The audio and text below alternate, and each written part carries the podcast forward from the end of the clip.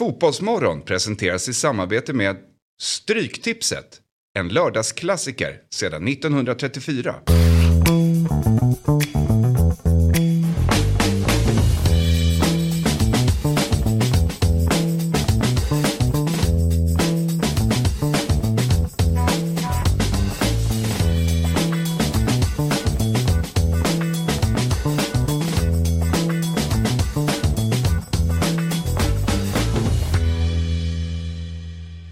Hjärtligt välkomna till Fotbollsmorgon lördag. Eh, Axel är bortrest så därför sitter jag här. Men Fabian Ahlstrand är här. Sabri är här. Suvaci måste jag också säga ditt efternamn. Ja, ja. Jag har lärt mig det ganska bra nu. Och Jesper Hoffman. Det är eh, elefanten i rummen tänkte jag ta upp då. Men det är ju inte Axel utan det är att vi sitter så här. Mm, det, här är, det här är skönt. Ja. Bra känsla. Tror du det? på- Tror du, men tror du att man blir för avkopplad i det? Nej. Nej. Det, här tycker, det känns Det är det jag kan köra. Stolarna är jättebekväma. Ja. Eh, så det kan ju bli att man Ja, lutar ner sig lite. Ja, men nu, Ja. Ja. Fabian börjar prata sina spiders och sådär. Så kan man lätt bara liksom... Zooma ut igen. Ja, det skulle kunna vara så. jag är ju inte Spider-fantasten. Det är ju mer... eh, Je- Jesper har ju börjat prata om XG och Han kom in här i studion faktiskt med eh, Alexander Isak Spider. Från när han var 16 men år den, Allsvenskan. precis. Ja. Bring la ju ut den igår fredag eh, på eh, Alexander Isak Spider när han var 16, fyllde ju 17. Samma dag som han eh, släckte Djurgården då med, med två mål. Och det pratas ju om talanger i Allsvenskan men det är ju som så att det är ingen som någonsin kommer vara nära det Alexander Isak eh, upp det han nådde som 16-åring i Allsvenskan? Nej, men jag tror inte det. Aldrig, nej. som 16-åring. Ja, Sen kan ju folk ta ikapp det. Jag tror att Sverige kommer att fostra Alltså Isak är på en väldigt hög nivå men, men jag hoppas att Sverige kommer fostra bättre spelare som når längre än vad Isak eh, kommer att göra. Isak är ju långt ifrån klar. Men det han gjorde som 16-åring i Allsvenskan det är ju eh, sensationellt. Alltså, folk gapar väldigt mycket om Lukas Bergvall. Med all rätt. Otroligt talangfull. Han har gjort en bra match i Allsvenskan. Eh, I övrigt har han inte varit i närheten av att färga. Isak var ju stundtals dominant eh, som, i den åldern. Så då, då förstår man ju också eh, hur mycket som krävs av en spelare för att nå toppen. Vi, vi har ju sett även Martin Ödegaard när han var i, i Norge. Strömgodset var Ja. väl? Han lirade som tänkte säga, han var 15-åring. väl ännu yngre. Ja, dominant. Eh, hade några lite tuffare år sen när han gick vidare till Real Madrid. Nu ser vi att han är en världsspelare. Haaland, också helt brutala eh, siffror i Molde. Tror han var nå- något år äldre faktiskt. Men för att nå den där eh, yppersta nivån så är det oftast att man levererar i tidig ålder. Men jag det tycker bara att det är häftigt. Det är kul också just, när man pratar om unga spelare. Så tycker jag vi, vi, ja, vi skrev om Romeo igår i, i Häcken som gör en fantastisk insats.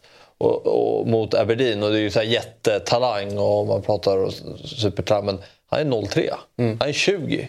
Och det är, det är så här, i svenska fotbollssporter tenderar så här, no- 20-åringar är superduper talanger. Men Ah, jag vet inte om vi... Men hur mycket ska jag, man- Jag uttryckte mig Ja, som vad- supertalang. Jag sa bara att han var en riktigt Det, bra men spelare. man var eh, Rabi, typ så här, vi tar bara, liksom, är inte redo för allsvenskan. Och så fort en ung spelare gör typ några dåliga prestationer, då är det här, är inte redo för allsvenskan. Men de är ju inte 16, de är 20. Alltså, det- Då ska man vara redo. Ja, eller snarare, då är man nästan är man, är man knappt ung längre. Nej. Men det beror väl också på, det är väl så individuellt egentligen, alltså fysiskt. Alla utvecklas väl på olika sätt. Så är det ju, så menar, du, Som du säger då att ingen kommer komma upp eh, på den nivån som Isak i Allsvenskan, den åldern igen. Det kan ju vara någon som är, han kanske var 20 år fysiskt sett, men han var 16 och mentalt. Mm. Ja, så men- Fast han var ju typ inte det. Nej, det är han det som var, så imponerande. Han nej, men han har ju alltid levt på sin spelförståelse, Isak, och kommit väldigt långt på det. Men jag tror att ska man nå världsnivå... Zlatan är ju lite... Eh, litet undantag där faktiskt. Han slår ju igenom ganska sent ändå.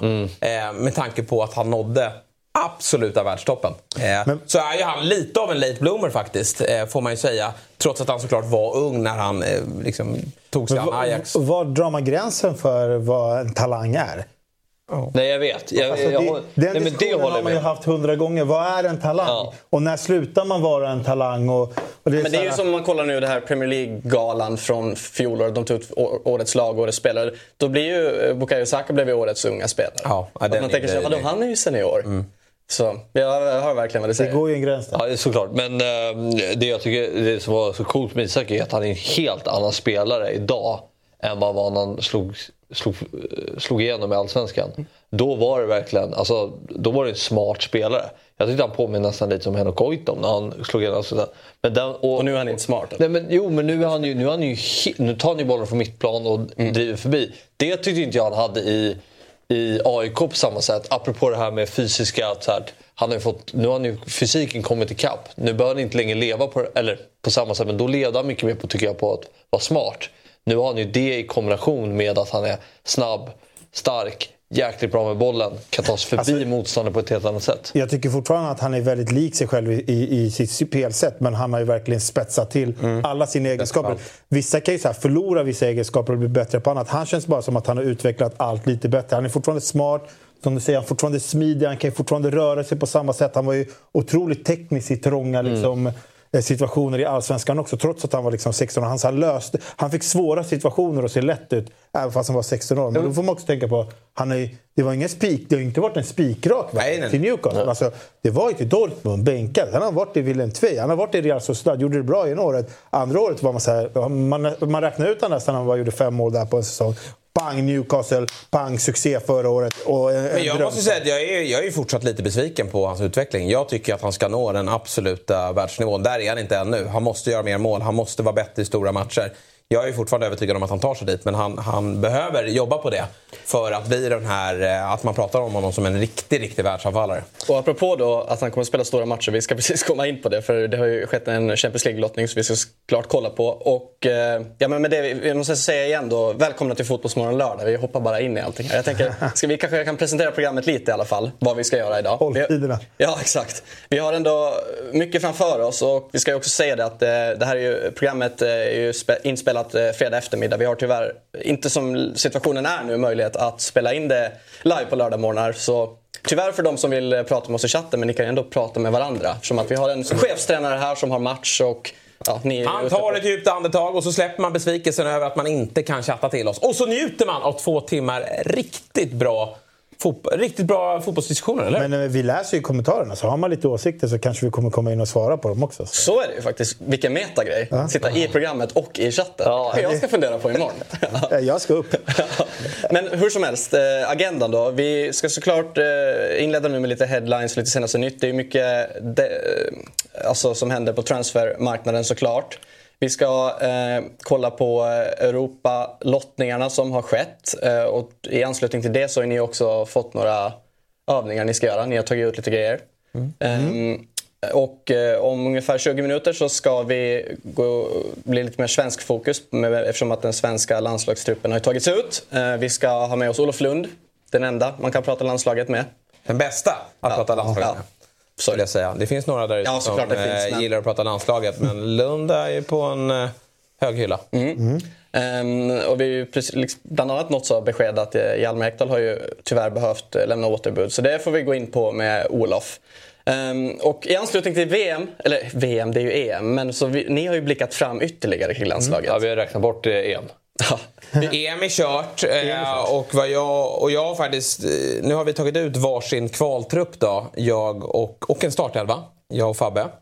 Och, eh, är Till VM 20 Till VM 26. Nej, VM-kvalet. Ja, det är, precis. Det är VM-kvalet till 26. Mm. Men jag har redan räknat bort VM också. Sverige kommer inte spela VM. Jag är ledsen. Vi är out där. Utan, men, men det är klart, spara det här. Nej, men jag är ledsen. det. Jo, jag vet, jag vill bara säga. 48 lag. Vad sa du? 48 ja, lag. Men det är, vet du, Europa har ju bara fått tre ytterligare platser Ja. eh, som jag förstått det i kvalet. Det är mycket lättare att ta sig till ett EM, vilket vi misslyckades med, eh, än att ta sig till ett VM. Så det är fortfarande svårt att ta sig till säger VM. misslyckades. Ja, men det är allt. Det är allt. Det är inget Folk har lagt att vi spelar in på fredag, men. Jesper är inne i 2028. Nej, men det är det. Så min trupp som jag bygger, väl. vi behöver få in en förbundskapten som bygger till EM 28. Jag kommer ju ha svårt att, att förlåta Janne och landslaget. Eh, Det är inte bara Janne som har ett ansvar, men han är huvudansvarig. För att jag blir eh, berövad eh, att missa ett EM i Tyskland. Det är så mörkt så Det är bara inte finns. Kan vi inte dra dit men- ändå då och Men- kolla till England och sådär? Det är ju schysst. Jag tycker ni ska spara det. Jag tänkte säga det, vi kommer, vi Jo, men jag kommer vill bara säga eh, att, att vi har tagit ut varsin VM-konto. Och jag bygger den inför 28. Sen så ska vi såklart eh, kolla till Stryktipset. För idag, eller eh, det i helgen är det, hur många miljoner jackpot? 13. Boom! Och eh, det är dags för någon av er att sätta 13 Mm, känner jag. Och dessutom så, så finns det ju väldigt, väldigt mycket att snacka upp inför helgen såklart också. Det är ju bland annat ett Stockholmsderby på söndag och vi ska prata med eh, Hammarbys Simon Strand inför det. Det känns väl som att det finns ingen bättre att ringa upp apropå ett derby och känslor och, Mm. Han bör vara taggad. Det är ett jäkligt häftigt derby med Hammarby AIK i kuppen. Det var väldigt hett. Ja, det- sen, var ju, sen var ju det Sen var det rätt avslaget på Friends. Ja, det var ju det. Eller kom Bayern dit? Ja, eh, men det var jättemärkligt derby. Eh, men eh, man hoppas att den derbymatchen, att vi får se något liknande. För den, var verkligen, den tyckte jag var häftig. Den har jag tagit med mig. Men vi hoppar in, vi hoppar in på lite... lite, lite Tagit med. Nej, men, menar, det, är- I ryggan. Nej, men du vet, de här kampderbyna under, under på senare år, eller derbyna på senare år, har inte varit lika mycket känslor och lika mycket det här duellspelet. Att det är mycket kort ganska mycket känslor på Tele2 mellan Djurgården och AIK ändå för inte så länge sedan eller? Ja, från supportrarna. Men jag menar på planen. Eh, Men den planen det matchen rätt tycker jag verkligen hade det mesta. Att det verkligen var, det var en kamp eh, på planen och det var hårda tag och, och sådär. Och det, alltså därför har jag tagit med mig den matchen. Ja, okej. Lite silly season-svängen då. Vi, bara, vi kan ju nämna att Emil Holm har ju blivit klar för Atalanta. Kul. Och, och, antar jag. Spännande. Ja. Ja, men det Det är tycker väl bättre jag. Det, allt handlar väl om att alltså, vi har ju sett svenska spelare i större klubbar eh, förut. Men de får ju sällan speltid. Om han tar en plats här så är det väldigt bra för svensk fotboll. För vi vet vilka problem vi har haft på, på ytterbacksplatserna också.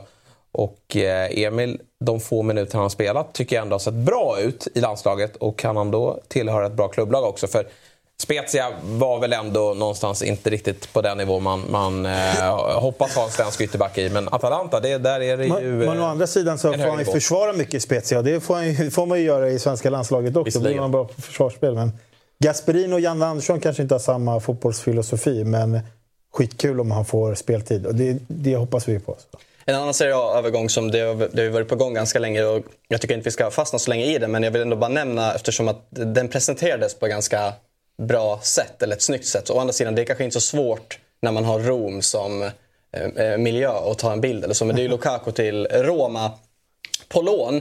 Men eh, såg ni bilden de, han presenterades med? Ja. Nej, jag Han sitter framför Colosseum. Ja. Ja, den är fet. Den är verkligen fet, Den är ruggig. måste jag säga. Sen är det där varför han valt tröja nummer 90. Det eh, har jag svårt att förstå. Men det ska Det inte få... ligger, det, det ligger ju någonting bakom. Men han vill väl ha det så här? Ja, han vill väl ha den och det går kanske inte med nian. Ja, ja, det ska inte få förstöra bilden. Otrolig bild och det här blir ju kul att följa. Ja. Dybala Lukaku har ju faktiskt förutsättningar att vara ett ganska fruktat anfallspar. Men det, det får man alltså bara få koppla in. Alltså, Lukaku är en sån spelare som man, man är otroligt trött på. Han. Alltså att han går till klubbar och inte lyckas. Men på något sätt, alltså jag är verkligen så här, jag är inte hans största fan. Men på något sätt, när han, alltid när han skriver på för en ny klubb, som nu när så här Roma, då blir jag lite så här, jag kan inte undgå att bli lite taggad på att se hur det ska, hur det ska gå. För att det finns ju någonting i honom. Man vet att han, han har ju något litet monster där inne som kan göra någonting. Och då är det så här, fan, är inte kanske Mourinho Men det är rätt person första- att få ut det? Och det är ju första gången ändå kanske på många år nu han går till en klubb som inte är titelutmanare ändå. Visst, man kan absolut säga att han kanske inte var titelutmanare. Är United och Chelsea nu, när den sessionen. Men han har ju ändå varit i klubbar som ska vara verkligen etta, tvåa, trea i ligan. Det är ju inte kanske vad Roma är på förhand. Nej, men absolut kan man inte argumentera för att de borde vara det då med den truppen de har nu? Ja, men de har ju De har, ju Wijnaldum. inga, de har inga pengar. De, de får ju bara värva på free transfer. Alltså jämfört med liksom hur, hur de andra, hur Napoli har fått behålla hela sin trupp och spetsa. Ja. Så Roma ska ju inte vara en titelutmanare i Serie A. Alltså det, det, Nej, men det sa man inte om Napoli i fjol när de hade sålt av, av halva laget. Nej, Så jag tycker, jag menar, alltså, med tanke på att Juventus fortfarande har sina problem så känns ju Serie A ändå hyfsat öppet. Alltså Det den känns öppet, men jag, jag håller ju inte... Jag, jag, jag, jag kan inte argumentera för att Roma ska vara en titelutmanare. Men sen, topp fyra kan de alltid slåss om. Större mirakel har skett, säger jag. Men eh, jag tror Nej, inte heller att, aldrig eh, Jag vet inte hur oddsen ser ut för Serie A, men, men det är klart att det finns lag som har lägre odds än Roma. Men eh, ja, Mourinho har vunnit titlar förut. Nu var det ett tag sedan. Alltså ligor. Men eh, jag, hoppas att, jag hoppas att det här blir bra. Jesper, om du eh, var Manchester City-supporter, hade du släppt Cole Palmer till Chelsea för att plocka in Nunez? Eller hade Det är du... olika positioner såklart, men... Eh, alltså, jag förstår väl någonstans varför man ändå släpper honom. Att få fram egenfostrade spelare är ju väldigt bra ekonomi. Att sälja så här dyrt. Och eh, har egentligen sett lite för lite av Cole Palmer, men det är världens bästa lag vi pratar om här. Och eh, jag har svårt att se han få speltid i detta City. Eh, och, och, han är ju i ett sk- skede nu av sin karriär där han behöver få mycket speltid. Sen om han får i Chelsea, det återstår att se. Jag vet inte riktigt om han har nivån, men det är ju en, det är en lättare konkurrens där. Så att jag, om, om, jag tror Guardiola någonstans hade kunnat acceptera att ha honom kvar. Men om han säger som egen fostrare att jag måste få spela nu, ni måste ge mig speltid. Då uh, förstår jag att man någonstans accepterar att nej, du får faktiskt gå även om det är till en... Ja, det är en konkurrent får man säga, även om inte Chelsea vinner någon Premier League i år. Men uh, jag, jag, jag förstår varför han ändå går. Ja, det är rätt steg. Låt oss ta oss an eh, lottningarna. Vi kan väl börja med Europa League-lottningen. Eh, Sabri, Liverpool, Lask, eh, Union Saint-Gilloise, jag vet inte riktigt hur man uttalar det där. Vad har då? Toulouse. Kan du, jag kan ju gå vidare. Men nu pratar vi om Liverpool, Ja, Fabbe. vi tar en, en grupp i taget. Vi ska, kanske inte ska gå igenom alla grupper, men eh, ja, det kanske inte är så mycket mer att säga att Liverpool ska vinna den här Ja, det är walk in the park. Eh, och då kan man ju fokusera eh, mer på ligan också. För att eh, man, skulle, man, man kan rotera friskt i den här gruppen och ändå ta sig vidare. Så... vilken, vilken grupp hade du inte behövt rotera? Alltså, hade du behövt köpa nej, men alltså kanske lite jobbigt och, och, om vi byter ut... Alltså om vi tar Brightons plats här. Möta Ajax, Marseille och AIK borta är ju inte bara hej, eh, Harvey Elliott, Curtis Jones och Tsimikas. Ni kan spela varje match, vi kommer vinna. Eh, Jo. nej. Jo. Det ska jo. det ju. jo. Vadå? Klart det är. Och, och, och, och, och, Men jag när jag menar rotera friskt, då är det, då är det ingen Salah, det är ingen van Dijk, det är ingen Alisson. Nej, men- eh, det är ingen... Van Dijk, eh, borde inte han spela i Europa League och skita i ligan då? Va? Inte det, det är väl att rotera och spela van Dijk? eller? Sluta nu, han är fortfarande bäst i världen. Eh, nej, men alltså det är klart, det, det ligger något i det du säger. Vi, vi ska gå vidare från alla grupper, men den här, det här är ju tre ruggigt svaga lag. Ja, det får man säga. Alltså kom igen, vad är det? du kunde inte ens uttala namnet på den här. Det tror jag inte de själva heller kan. Men Häcken då? Fan, det lever ju! Eller? Känner man ändå inte att här, Jo, verkligen. Va? Det Häcken är, hade alltså Bayer Leverkusen, Karabach och Molde. det är Alltså, fan, känns ju inte ens bättre än Conference där. Om man tar bort Liverpool. Va? Det får du väl ändå säga. Nej, du, har ju, tycker det känns West- du har ju Atalanta, nu ska jag säga West Ham, de var ju faktiskt Conference League i fjol. Roma, eh, Villarreal. Ja, Jo, Villarreal det här är var ju. Du har Ajax också, men det är inte jättemycket bättre. Nej, men jag Det tycker det håller känns som att det är brukar vara starkare, eller? Du ska kolla på Conference League. Det är... eh, Du behöver inte kika på den lottningen. Där har du dasslag alltså. Men grupp H då? Alltså så Det är här, ju Men tänk ändå att-. Du såg va? Vilka, vilka J Södra fick. Ta fram dem. Du såg vilka J Södra Ta fram den eh, Conference League Kalle. Nej, men det är ruskigt låg nivå. Nej, det ska vi absolut inte göra. Skit i det. Ja. Men kul med Häcken. Djurgården Ja. slog ut Molde i fjol. Jag tror absolut att Häcken kan göra det. Bra de var Molde i fjol ändå. Alltså, jag tyckte- de imponerade på mig när eh, Men- Djurgården mötte dem. Ja. det är så jävla förvirrande för mig att Klaxvik slog ut Häcken, åkte ut mot Molde. Molde och Häcken är i samma grupp i Europa League. Klaxvik spelar i, i Conference. det är, så här, Det är snurrigt. hur, fan var det, hur har det skett ens? vet? Jag gillar ju för sig det nya systemet, det här med att man trillar ner i de olika europeiska eh, lottningarna. Men eh, ja, Häcken med underläge. Karabach, var det inte där er anfallare kommer från? Jo, Bosa? eh, exakt. Ja, eh, Musa. eh, Gu- Gurbanlia. Mm. Men sen har vi ju eh, Grupp D tycker jag är spännande. Jag är lite svag för Stormgräs. Uh, några, vad, vad, vad, är det de gör bra? eh, några kompisar som håller på dem. Okay. Uh, Österrike som jag träffade i Italien. Vilka spelare ska man hålla koll på där tycker du? Nej, men eh, jag har inte jättekoll på spelartruppen. Men de har gjort ganska många. De har verkligen lyckats få mycket spelarförsäljning. De sålde ju, de Stormgräs. Stormgräs eh, sålde ju Kul Höjlund. om storm skulle betyda konst. Att de spelar på konst. Ja. Och så... så de sålde ju Höjlund till Atalanta. eh, som gick till United nu. Eh, så de har ändå de börjat sälja spelare dyrare. Eh, och Edwin Kurtulus var ju på, på väg dit. Alltså det är en ganska liten klubb egentligen. De har ju typ så här 10 000 på varje match. Och, eh, men en ganska härlig grupp med Sporting Lissabon och Atlanta också. Grupp B känns ju på förhand att där kommer rubrikerna också handla om vad som händer utanför plan. Alltså så här, stökiga Ajax, Marseille och AIK Aten-supportrar. AIK Aten var ju inblandad redan i Champions League-kvalet med Dynamo Kiev, den supporter som gick bort. Alltså den, Mm. den känns ju väldigt... Nu är Marseille och AIK i och för sig bra vänner. Men... Men Det är som eh, alltid Marseille hamnar i stökiga det där är väl dödens grupp? Får vi säga. Ja, det måste det vara. alltså, inte... På, på plan alltså. Eh, precis inte utanför plan. Nej men eh, Brighton-Ajax är ju en häftig, eh, ett häftigt möte. Ja, alltså, alltså, AIK Aten är ju också ett lag som spelar otroligt offensivt. Mm. Alltså, de vill framåt, de vill göra mycket mål. Eh, så det, det, kommer också, det, kommer vara väldigt, det kommer vara kul. Det, kommer, det här kommer vara roliga matcher tror jag. Mm. Och hoppas vi på att Eliasson också kan få mycket speltid. Häcken kommer gå vidare från det här. Alltså de kommer göra det. Ehm, Vi, säg bara punkt där istället. Ja. Det är bättre. Och så tar vi Champions League. Ja. Det viktiga. Men det var bra. Ja. Men då vet vi var Häcken hamnar. Okej, vad, ehm, vad, vad, vad tar du ut som dödens grupp här Jesper? Ja, det är inte särskilt svårt. Det är gruppen alla talar om och det är ju såklart grupp F som blir ju häftig på alla sätt och vis verkligen. Och jag reagerade redan när jag såg potterna då inför, eh, inför lottningen att Newcastle låg i pott 4 för det gör ju att det här blir att det skulle bli väldigt underhållande och att de då får Milan från pott 3, Dortmund från pott 2 och sen då PSG i grupp 1.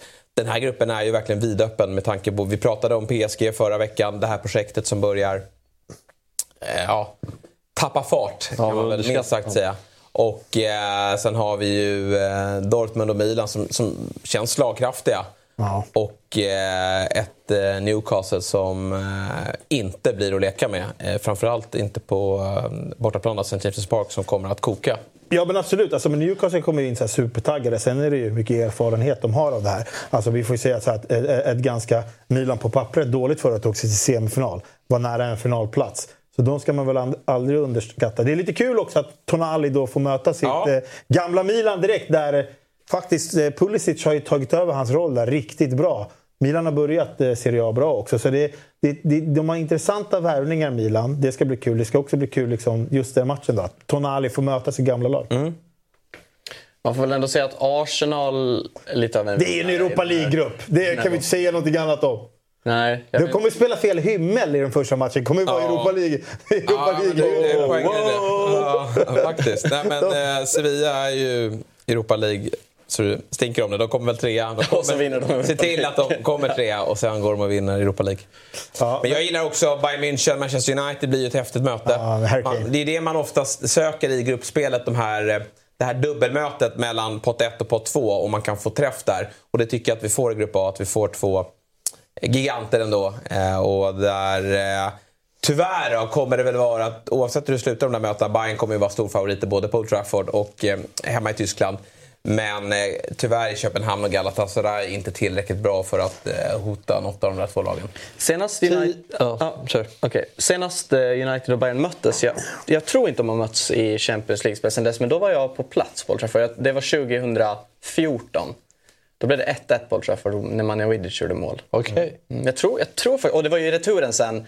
Eh, Evra gjorde det här målet, ni vet när han- bollen kommer från, han kommer från, bara, från fart utanför straffområdet och bara dunkar upp den på halvvolley rakt upp i taket. Kommer du ihåg det? Låter sent ändå 2014 med Vidic Evra, eller kan det vara så?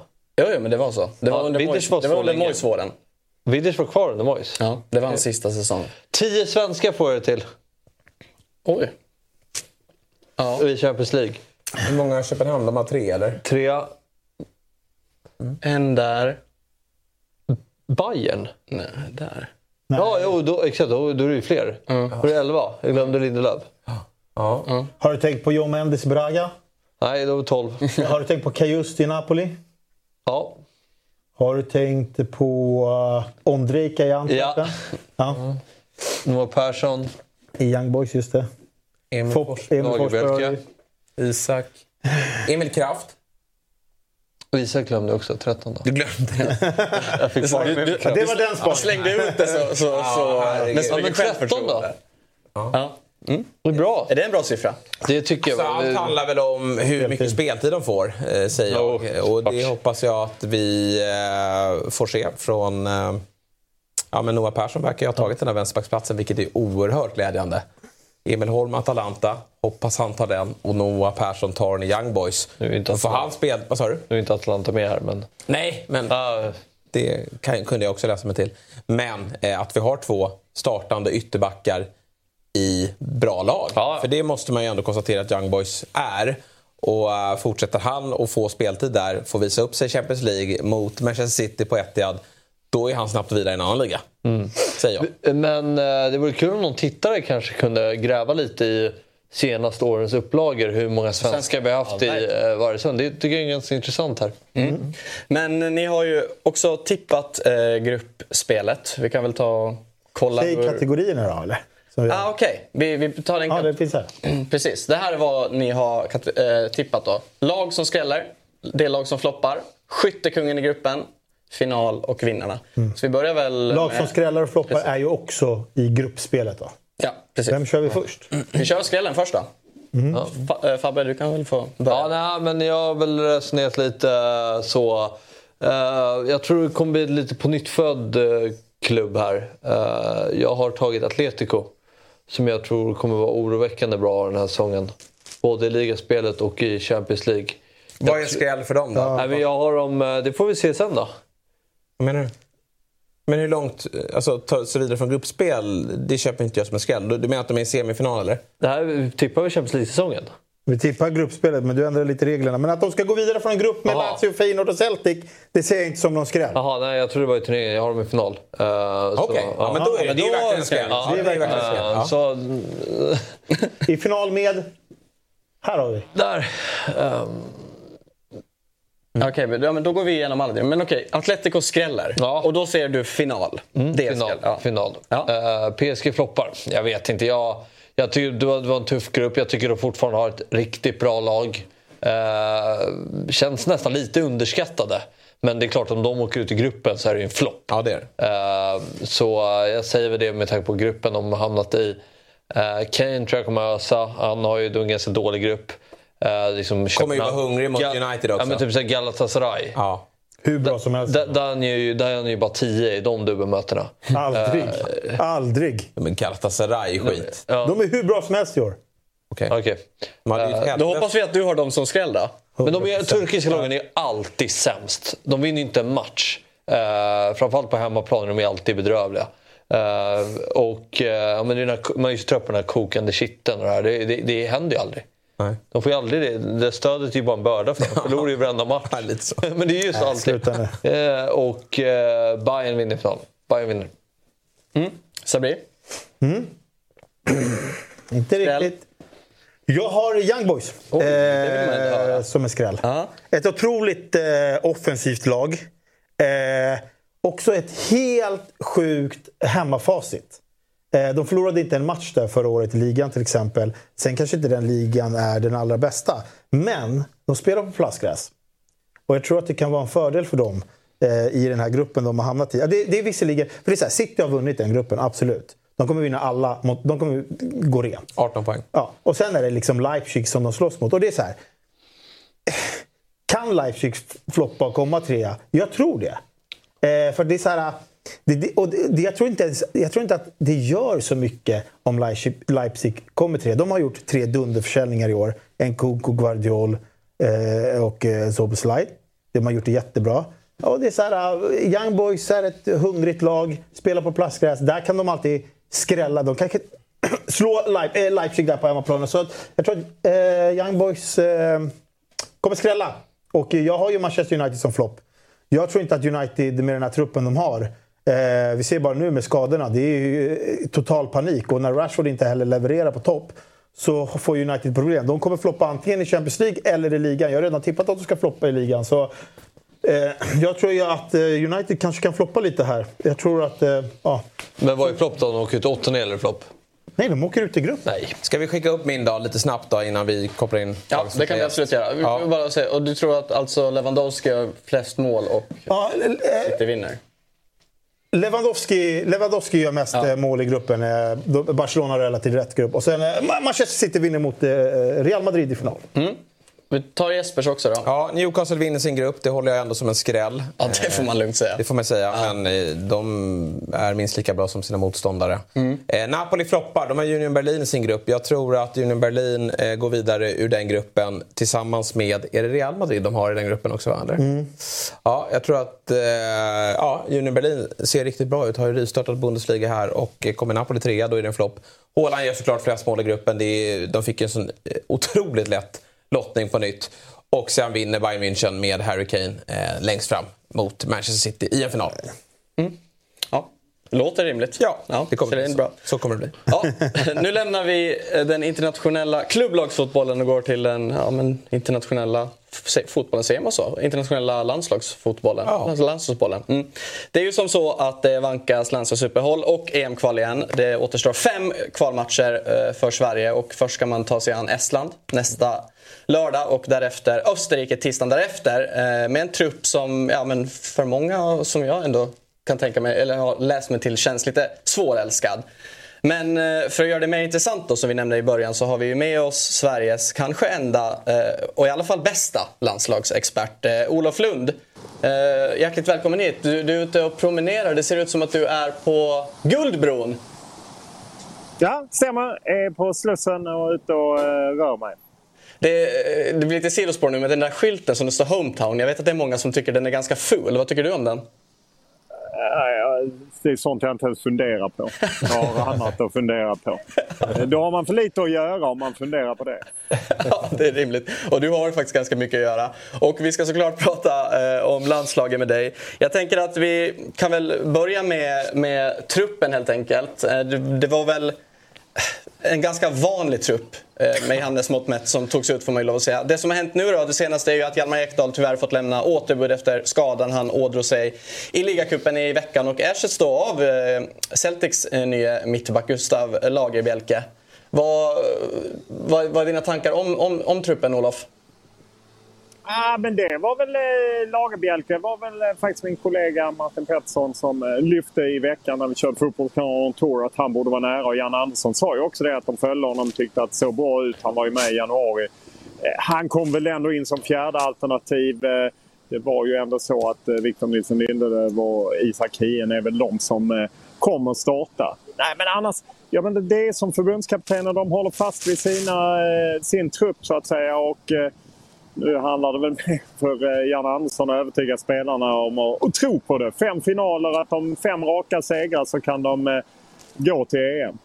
Mm. Känner man inte så här att efter den här kräftgången som det svenska landslaget har haft här senaste, ja men snart två åren.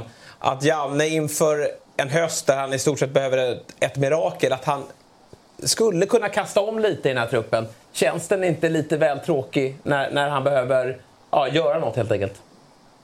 Ja, men jag tror att han är, eh, han är lite som Lars Lagerbäck där. Han är inte populist utan han, eh, om, eh, han är beredd att dö på sin kulle helt enkelt. Han tror på de här spelarna och vilka är det ni egentligen vill ha med? Alltså, ja, man kan säga Roni Badaji eh, har varit spännande i FC Köpenhamn. Men han, jag menar, när de spelar avgörande Champions League-kval nu så satt han på bänken. Jordan Larsson, är det det som är lösningen? Eh, Hugo Larsson möjligtvis hade man kunnat säga att han hade varit med. Eh, men det finns ju det är inte så att det finns tio spelare som man känner herregud, hur kan eh, Janne Andersson rata de spelarna? Det handlar väl kanske mer om eh, spelsätt när man väl kommer till match och, och liknande. Mm. Jag håller, med. jag håller väldigt, verkligen med och jag tycker att det, det, är svårt att ta någon utifrån som ska kliva in i en elva. Jag känner väl bara att man ger lite hopp med att ta in någon ja, men, eh, Rooney eller Jordan Larsson som går väldigt starkt i FCK. Istället för en sån som Robin Quaison som vi någonstans känner att han kanske har gjort sitt i ett, i ett landslag för att han börjar bli till åren och att han spelar där han spelar. Men eh, ja, det är liksom startelvan, den, den, det är ingen spelare utifrån som kan ta sig in till en startelva. Däremot är ju startelvan också intressant.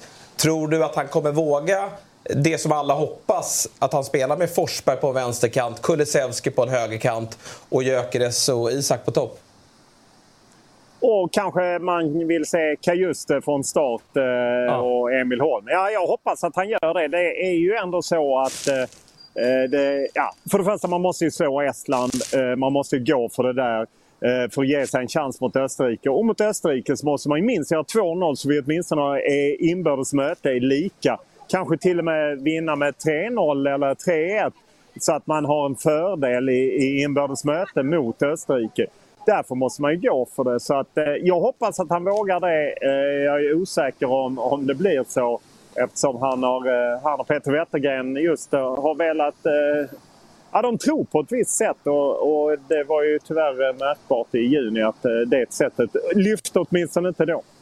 Mm. Olof, du skrev ju en krönika efter att truppen hade släppts och eh, skrev bland annat Vid ett missat EM kan inte förbundet behålla Andersson som då missar två mästerskap i rad, vilket inte hänt sedan Tommy Svenssons dagar eh, liksom, finns det något som skulle kunna tala för att Janne skulle få fortsätta om, om han missade EM? Det enda som... Nej men Jens T Andersson gjorde väl en intervju, om det var med Expressen eh, inför junisamlingen där de inte kunde utesluta. De tyckte Janne har gjort ett bra jobb. Vi har ju Håkan Sjöstrand, livstidskontraktet, eh, kvar på förbundet. Och det som är lite svårt i det här läget eh, att bedöma hur förbundet gör är att de har en ny förbundsordförande, Fredrik Reinfeldt. De har en eh, generalsekreterare som är, borde vara en lame duck men kanske ändå inte är det för att han ska sitta året ut. De håller samtidigt på att anställa en generalsekreterare. Det har kommit in en ny roll, Jens T Andersson som landslagschef för alla landslag.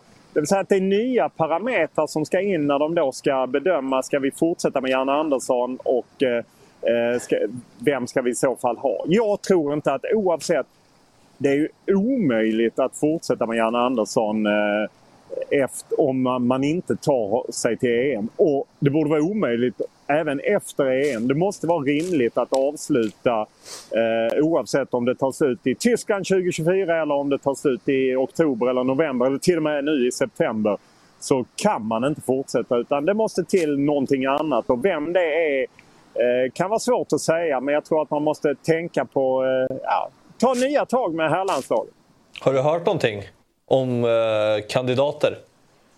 Nej, det har jag inte. Och det är just det jag var inne på innan. Att Fredrik Reinfeldt är ny som förbundsordförande. Mm. Alltså det är liksom ett nytt förbund. Och med en generalsekreterare, jag kan ju känna att om jag skulle bli anställd som högste tjänsteman, det vill säga ny generalsekreterare för fotbollsförbundet och där fortfarande herrlandslaget är det viktigaste ekonomiska lokomotivet förbundet har. Ja, då hade jag velat vara med i den processen och anställa och vem ska vi ta och, och, liknande. Så att, Nej, jag, tror, jag tror inte... Möjligtvis Jens Andersson har en lista på, eh, på kandidater men jag tror inte att de aktiverar det förrän de väl har bestämt sig att nu kör vi inte vidare med, med Janne Andersson. Olof, jag undrar hur, hur redo kommer du vara på presskonferenserna om Janne eh, på nytt då skyller förlusterna på att många av hans spelare inte får speltid i sina klubbar? För jag tycker inte att så är fallet just nu. Jag tycker att han har ganska många spelare i den här startelvan som får speltid i bra ligor och dessutom gör det bra. Mm. Jag håller med att det är faktiskt lite annorlunda nu än vad det var i, i våras. Eh, eh, även om man liksom ändå kan flagga kring både Emil Holm och Ludde Augustinsson som kommer in som ytterbackar och troligtvis får spela så har ju inte Ludde gjort mer än ett inhopp och Emil Holm har ju knappt spelat, har inte spelat en tävlingsmatch sedan i februari eller något. Så att, eh, det är klart att det ändå finns frågetecken. Ah, folk kommer alltid liksom, eh, det är väl naturligt eh, även om eh, man misslyckas med ett tv-program eller ett webb-tv-program så har man väl förklaringar att eh, ja, men de som satt i panelen var inte tillräckligt skarpa. De eh, trodde till exempel eh, på att Manchester United skulle floppa både här eller där. Så att det kommer ju alltid finnas och sen kanske man ställer frågorna där. Men jag, i det här läget så måste man ju, om de havererar så måste man ju titta framåt. Då är ju då är på något sätt Jannes tid over. Då handlar det mer om förbundet och vad vill de göra och hur vill de driva det framåt. Mm. Tycker du att Janne har under de senaste åren förändrats någonting? Alltså, tänker, Jesper nämnde presskonferensen med retoriskt och hur han kommunicerar med media och, och sådär. Eh, så eh, är det ju. Det är ju ingen hemlighet. Det har jag eh, sagt och nog fler än jag sagt att jag har ju använt ordet stingslig. Nej men det är klart att han blev förändrad. Och jag sätter ju startdatumet under EM 00-matchen, Spanien, EM-premiären, där var han ju irriterad. Jag har hört ett spelare som säger att det började redan hösten 2020 när då, när, om ni minns stormen när Dan Kulusevski satt på bänken mot Frankrike och så. Det är klart att han förändrats. Det tog längre tid för honom att eh, bli liksom mer stingslig som många andra förbundskaptener, både Lagerbäck och Hamrén. Men han hamnade där till slut. Under många år så skötte han det ju helt perfekt. Men eh, vi och eh, trycket nötte ner honom. Det är ju ett oerhört mm. ensamt och utsatt arbete. Mm. Olof, innan du ska få stå kvar där på bron och blicka ut mot eh, Viking Lines vackra flottor från ett rederi från en ö som jag tycker om så måste jag ändå ställa frågan då. Vad, vad tror du talar för landslaget hösten 2023 kontra våren 2023? att eh, en del av spelarna ändå är lite bättre slag. Eh, framförallt Isak eh, Kulusevski. Det känns som att de har inlett rätt piggt. Och, eh, att de kanske lite är utdömda. Att vi är många som tror att det var kört. Men om man kan gräva fram någon slags inre känsla att eh, vi kan ändå göra det här. Vi kan ta det en match i taget. Eh, vi slår Estland, sen slår vi Österrike. Då har vi plötsligt pressat Österrike som har kanske trott att de i princip är i EM eh, inför en eh, jobbig samling för dem när de ska möta Belgien. Eh, så då kan det på något sätt hända. Det är väl, men det är ju, det, det är ju närmast något bragdartat. Eh, landslaget har ju under Janne Andersson aldrig vunnit fem raka tävlingsmatcher så att, eh, att det skulle ske nu är väl rätt osannolikt. Men eh, det är väl det som är det härliga med den här idrotten att ibland händer ju det där unika. Eh, eh, men det som man inte trodde skulle kunna hända, att eh, bollarna studsar rätt. Jag tror tyvärr inte det sker, men eh, Janne och dem. Eh, och han måste ju få spelarna att tro på det. Fem finaler, vi kan ta det här, vi kan göra det här. Mm. Tack så mycket Olof. Eh, vi ser fram emot att följa din bevakning under samlingen och hoppas ändå att man ska få känna på den här härligt dåliga stämningen som du är, som du är expert på att eh, våga skapa. Ja, jag ska försöka bjuda till. Nu kommer något utryckningsfordon här. Så. Ja, tar de det. Det är inte för att hämta mig. ja, det är bra. Ha det bra Olof. Ja, Tack. Bra.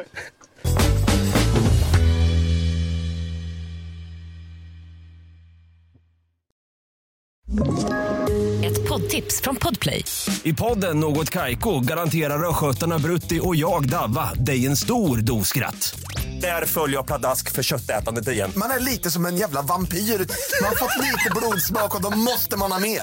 Udda spaningar, fängslande anekdoter och en och annan arg rant. Jag måste ha mitt kaffe på morgonen för annars är jag ingen trevlig människa. Då är du ingen trevlig människa, punkt. Något kajko, hör du på podplay. Därför är gardinerna. Nej, men det han är inne på här på slutet, jag håller med. Alltså, nu vill jag, jag vill se en Jan Andersson som jag i grunden tycker så mycket om. Det är därför man är så besviken över hur det liksom håller på att sluta här. Men jag vill ju se Jan Andersson som sätter sig på podiet och säger att vi har alla förutsättningar att ta fem raka här nu. Vi har ett lag i praktslag. Alltså för det, han har väldigt många formstarka spelare. Sen kan inte allt vara perfekt. Det är inget Nej. landslag som har det perfekt.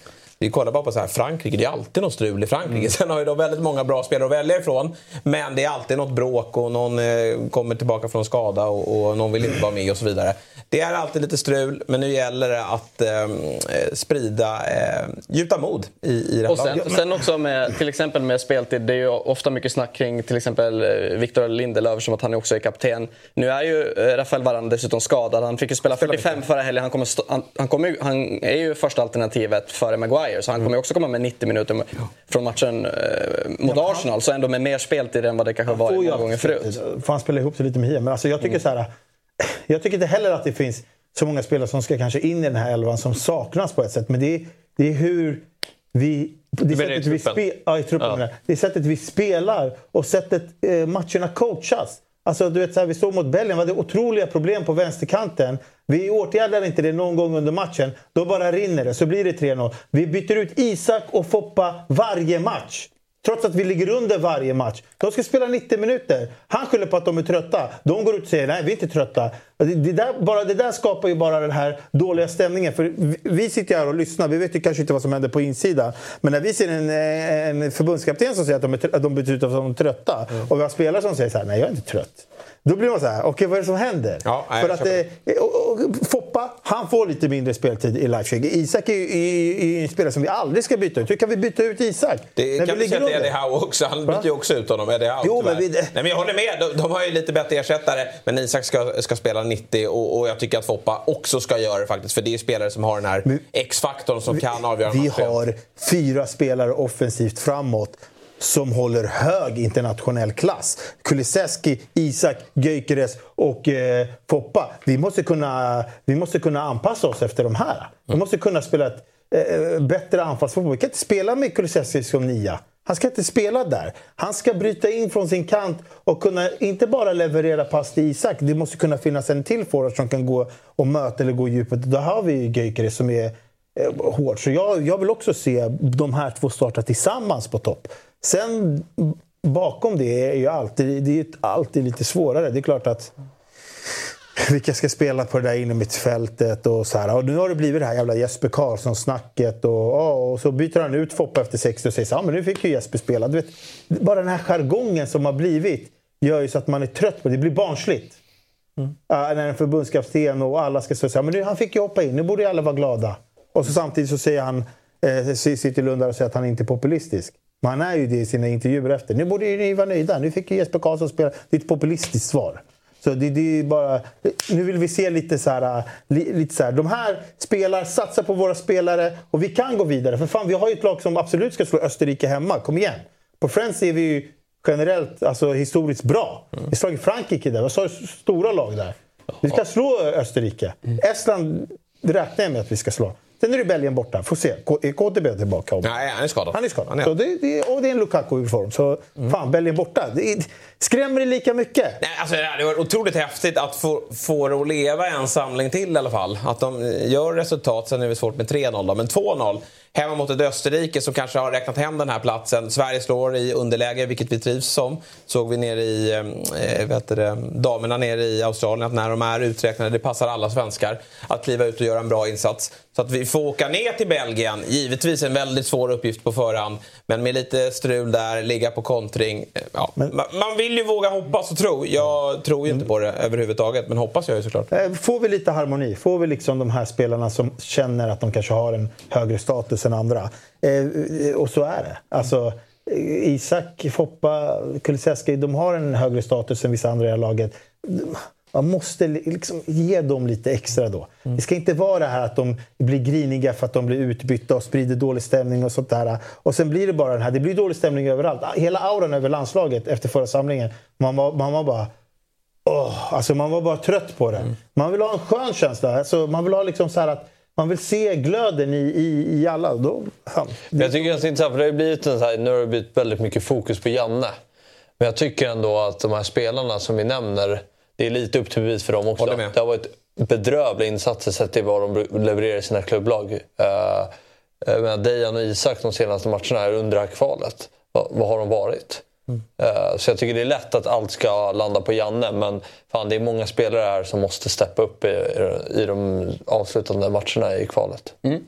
Men nu blickar vi framåt. Ja. Du till 2026, Jesper till 20, jag vet inte, 30 kanske? Till. Nej, ja, men jag, jag, jag, måste bara få motivera här innan. Nej, men jag, jag, tror, jag tycker att Sverige ska göra ett, eh, ta sig i kragen ordentligt här nu och eh, göra ett rejält omtag. Jag tror att det blir väldigt svårt att nå VM 2026 för det är få platser dit och lyckades vi inte ens ta sig 24 så blir det inte lättare. Vi trillar väl ner ytterligare någon sidningspott här nu, antar jag. Och sen ska vi spela eh, Nations League Grupp C också. Så att vi, vi har ett par eh, dystra landslagsår framför oss och därför tror jag det är bra att man eh, bestämmer sig för att rensa ut en, en hel del och bygga ett lag som i alla fall ska vara med och spela mästerskapet 28 i, eh, i England. Men då tycker jag vi nästan börjar med din. Ta, börja Ska vi börja? Nej, men, nej, men, alltså, det, är, det, här är för VM-kvalet 26. Okay. Det, det, här är inget, det är inget snack om. Det är bara att man tänker långsiktigt med har, det laget. Har tittarna förstått och lyssnarna vad ja, det, det, vi ska Vi var inne på det så mycket i början, men det vi, övningen Det här är VM-kvaltruppen om ett år. Ja, Jesper och Fabbe tog ut sina kvaltrupper till VM Med varsin tränare också. Jag har inte varit med på något. Har ni tränare också? Nej. Det är Jesper Hoffman. Ja, Jesper Hoffman. Exakt. Ja, vi slänger upp Hoffmans lag då. Ja. Lag plus eh, Bengt då. Eh, här det för, de, för fo- folk som eh, lyssnar på oss, då, så här har vi alltså elvan. Johansson i mål. Victor Johansson. Backlinjen från höger. Holm, VNL, Ekdal, Persson. Eh, sittande mittfält. Eh, Hugo Larsson, Kajust. Eh, och sen har vi alltså Kulusevski, Isak, Jesper Karlsson och Viktor Gyökeres. Ja, precis. En 4-2-3-1 där Isak får vara lite någon form av tia. Flytande roll eh, bakom eh, Gyökeres som ska vara spetsen och som ska hålla sig eh, inne i boxen. Det som sticker ut här, eh, som folk reagerar på, det är att Emil Forsberg inte finns med i det här laget. Hur gammal är han här? Nej, men, bra fråga. Han är eh, 33 när det här kvalet börjar. 35 om vi tar oss till det här VM. Ja, han ska Eh, självklart vara med i den här truppen. som en 35-åring. Ja, men jag tror att man måste prata med honom och säga det. Kan du, eh, är, kommer du vara med när du är 35? Vad har vi Emil Forsberg? Det får man göra. Men det- Alltså, är han redo och motiverad att så här, jag är verkligen vill leda det här landslaget och fortsatt får väldigt mycket speltid i Leipzig, ja, men då ska han vara med. Jag tror dock inte att vi kommer se det från Emil Forsberg. Så jag, jag bestämmer mig för att ta en långsiktig satsning här i Jesper Karlsson. Och, och bara så att alla förstår här nu. Ja, det här laget ska ju såklart försöka ta sig till 26, men jag tror att det blir svårt. Så det är även mycket 28-tankar i den här truppen också. Därför är vi lite mer långsiktiga. Eh, ja, det är sorgligt. Eh, Noah Persson tar sig in. Ja, Noah Persson tar sig in till vänster. Emil Holm till höger. Jag tycker Hjalmar Ekdal är en bättre back än Hien. Alltså det är ju nästan så när vi är 2028 här att eh, Fred Hoffman ska kunna hitta in på bänken. Ja, kanske. Jag tror mer på 30 där. Eh, men visst, 28 skulle kunna vara rimligt. Då är han precis 11 år fyllda. Ja, det är en supertalang. Eh, nej, men Hjalmar Ekdal är en bättre back- mittback än- Isak Hien tycker jag. Jag tycker Isak Hien, han behöver jobba på saker i sitt eh, försvar, i sitt Jag var positionsspel. mot Österrike. men- Tycker inte jag. Nej, Eh. Du var inte på plats va? Nej, Nej det var men- jag. Och jag såg att han är, han är rätt fladdrig i, i, sina, eh, i sina ageranden och ingripanden där. Han är inte lika slipad som Hjalmar Ekdal. Men det är Nej, väldigt det, tajt alltså, ja, ja, alltså, det är väldigt tajt. Alltså. Okej. men alltså, jag, jag vet vad jag stör mig på, eh, ni i- Djurgårdsled. Att ni hyllar Hien före Ekdal. Alltså, Nej, det gör jag inte. Hien är, han är, så, ni? kra- han är, han van. Dijkig. Han är van Dijkig. Ja. Han är väldigt spektakulär i sitt försvarsspel. Det- ja. När han vinner en duell, när han går upp i press och vinner bollen, kliver fram i boll. Då syns det mer.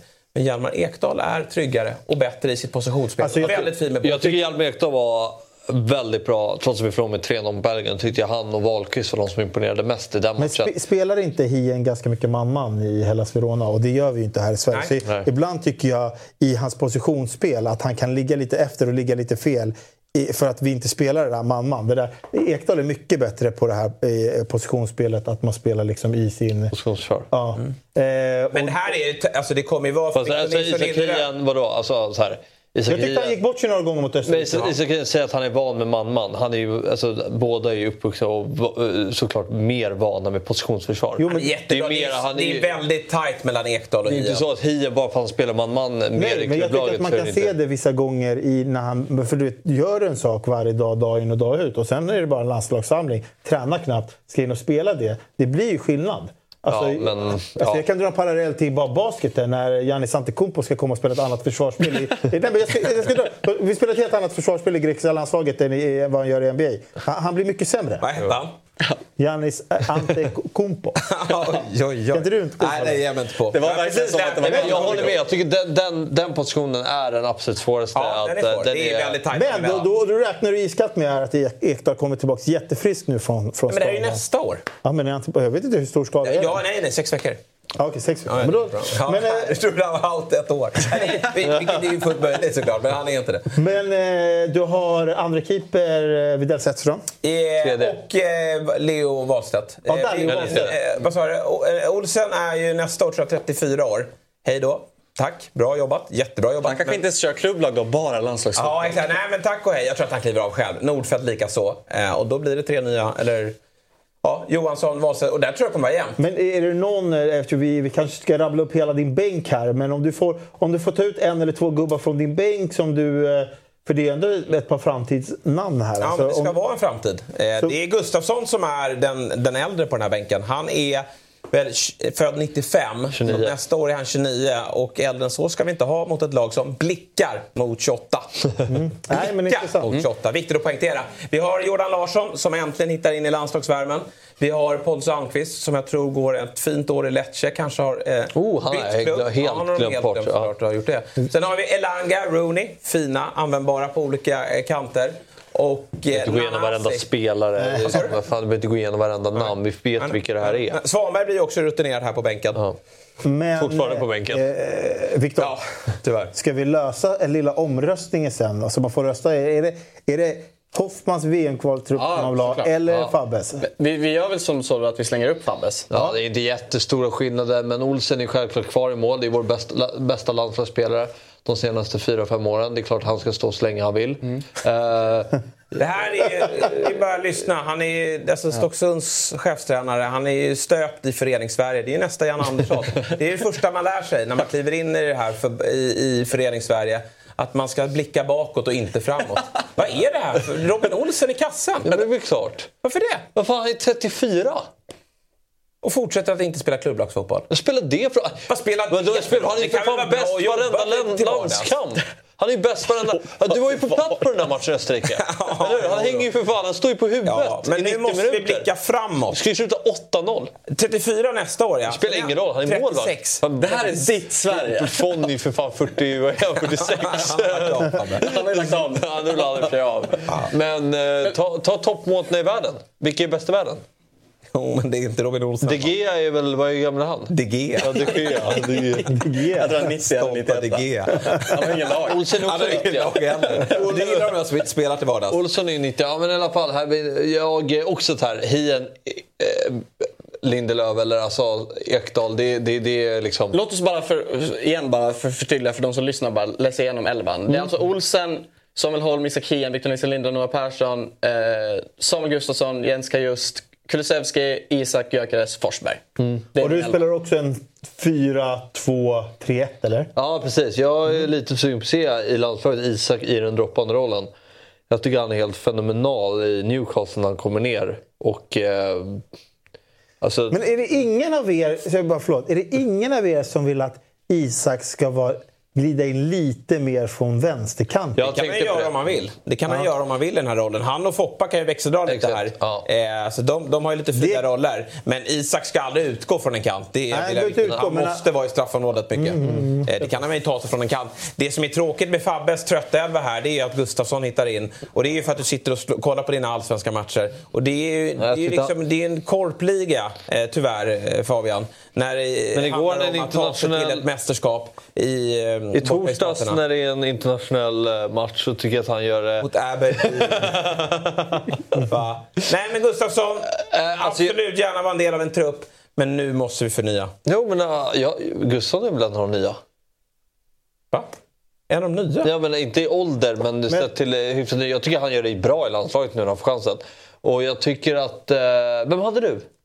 Hugo Larsson. Hugo Larsson? Ja, vi får se. Jag, jag tycker fortfarande... Jag tror att om ett år så kommer Gustafsson fortfarande vara en bättre fotbollsspelare än vad Hugo Larsson är. Jag tycker Allsvenskan i år... eh, Nu, Han var ju bättre redan i år. Den- Hugo. Men Hugo Skämtar du Nej med men det är mig ju nu? väldigt jämnt. Ge det här, nej, ge det här Gustafsson ett dominerar, år till. Nej, Gustafsson dominerar matcher mer än vad Hugo Larsson gjorde. Han är född 95. Jag vet, men vi ska ju fortfarande ta oss till ett mästerskap. Då ska väl ändå de bästa spelarna spela? Vi kan inte Han bara, i, landslaget kan vi inte titta på ålder. Men tror ni ska Samuel ju spela med de Gustafsson bästa har, där. är, har, tror ni han har lämnat Allsvenskan? Nej, det är klart inte han, han är kvar? Ja. Ja, han är, kommer vara en bättre spelare Ja, jag tänker om han har ett utlandsäventyr kvar Det sig. tror jag bra. definitivt Ja. han kan ha. Absolut. Det, Ja, då får han visa det först. Han kan inte spela mot Värnamo och Varberg. han är allsvenskans överlägset bästa spelare. Hugo Larsson, om han får speltid i Bundesliga ska han rätt in i den här elvan. Då ska vi bygga för någonting för framtiden. Ja, men då kanske jag kan ta... Jag, jag, jag tycker Gustav fortfarande är en spelare. Alltså, I så fall kommer det bli det kommer bli det här klassiska kontroversiella att man väljer en allsvensk spelare före någon som startar dagen idag ute i Bundesliga. Det kommer bli det Ja, surret men- kring... Så här, ja, Det är Larsson... väl hög tid att om vi... Nu har vi, en, vi har ju, det var länge sedan vi hade en sån intressant central mittfältare på gång som Hugo Larsson. Absolut. Då måste vi ge honom förtroende. Sen kanske han tappar boll i det här VM-kvalet som vi ändå inte kommer... Vi kommer inte ta oss till VM till att börja med. Vi kommer, kommer få se på lottningen så Men- kommer du säga Jesper du hade rätt. Men däremot EM 28, då kliver eh, Hugo Larsson in, 22-23 år gammal. Och äger det där mittfältet. Ja. För att vi gav honom speltid redan i VM-kvalet. Jag, hopp, jag hoppas men vi kan inte... Ja, För det men- tar ett tag att bli landslagsspelare också. Du måste få Ja. bränna dig lite. Du måste få bygga upp ditt förtroende under en landslagsledning. Ja, jag tycker de bästa spelarna nu. ska spela. Och jag tror att Gustafsson fortfarande kommer vara bättre än Hugo Larsson om ett år. Uh, men, uh, jo det tror jag verkligen. Uh, nej. Uh, bänken då, vad reagerar ni på? Det är inte så här... Ganska samma. Jag tycker, jag var lite inne på uh, Nanasi så tänkte jag, det stod mellan honom och Ondrejka. Som jag tror kommer göra det bra i, få mycket speltid i. Det var en anfallare på bänken. Ja. Det reagerade jag också på faktiskt bara. Mm. Men vad har vi för anfallare? Jag satt och tittade. Ja, jo, det hade jag glömt bort. Ja. Sar. Så, ja. Går till Wolfsburg men jag tog inte med honom. Han måste visa något först. Han gillar, han Nej, vi har ju två anfallare. Isak Gyökeres. Kan ändra Ja, jo, jo, men du behöver ju kunna forcera också. Ja, vi får... Nej, det är inte jättestor skillnad. Det är, det är ett bra lag här också, men det är två, tre platser som... Har du med Starfelt? Vi låter Nej, i alla fall, vi, låter, vi får låta tittarna rösta helt enkelt vem, vem de, vilken elva, Det är klart, eller vilken trupp man Fabbe tycker... kommer ju få röster mot Emil Forsberg, men där är jag ganska tydlig i mitt ledarskap. Att vi blickar... Det är där ni skiljer er åt på, på Ja, riktigt. men Alltså, så Forsberg är här. 35 år. Har han motivationen? Har han orken? Har han farten? Att kunna kliva in i ett eh, 26-VM. Men jag tycker alltid Forsberg har varit en... Uh, han sticker ut mer i landslaget än vad i klubblag. Ja, alltid- Mycket mer. alltid bäst i alltså, uh, jag menar, Hans facit i Leipzig de senaste åren är inte imponerande alls. Och så jämför med han i landslaget. Jag tycker att idag är Forsberg den jag har störst förtroende för i, i, i, eh, i vårt med. lag. Uh, Han är mycket bättre än Isak. Han får ju ut max. Ja, men det är ju för att han har fått jobba upp det. Han var inte självklar för några år sedan. Han har fått jobba upp det. Det jag vill ge Hugo Larsson. Men det du tydligen ska ge eh, Gustafsson. Men alltså förlåt, men det, alltså, det, det, det jag gillar med det problemet är med Forsberg, som är nu, det är att jag tycker att Forsberg får ta ett alldeles för stort eh, defensivt ansvar eh, i landslaget. Som han inte behöver göra i Leipzig. Alltså det är fler, han är nere och hjälper vänsterback, om det är nu eh, Augustinsson, hela, hela, hela tiden. Nej, jag tycker att han får bollen. Han ska få bollen i kreativa ytor. Och, och, och, och han, när han får den där, då gör han det väldigt bra. Men det kommer alldeles för sällan i landslaget. Han måste kunna ha en mycket högre utgångsposition och inte behöva eh, jobba så mycket mer defensivt. Någon annan, alltså in i, mitt, in i mittfältaren får gå ner och dubbla där. Eller så får eh, mittbacken komma ut och hjälpa till. Men alltså att han hela tiden... För att eh, Augustinsson kan inte spela en mot en mot typ en Doku. Det, det rinner. Ja, bra snack i alla fall och Ja. eh, tack för era insatser. Vi får helt enkelt se vem, vem som går längst som manager. ja, Vi tar- det- Kul, ja. kul. Ja, vi tar en kort, kort paus och så är vi strax tillbaka. Då är vi tillbaka i Fotbollsmorgon lördag och som vi nämnde i inledningen så är det jackpot på 13 miljoner eh, denna helg på Stryktipset och eh, det ska vi såklart ta oss an kupongen men vi ska väl börja med att eh, kika på hur det gick för er, eller hur Ja, men på förra veckans kupong helt enkelt. Mm. Utdelningen för 13 rätt. Det var 25 personer som landade in på det. Nästan 300 000 kronor.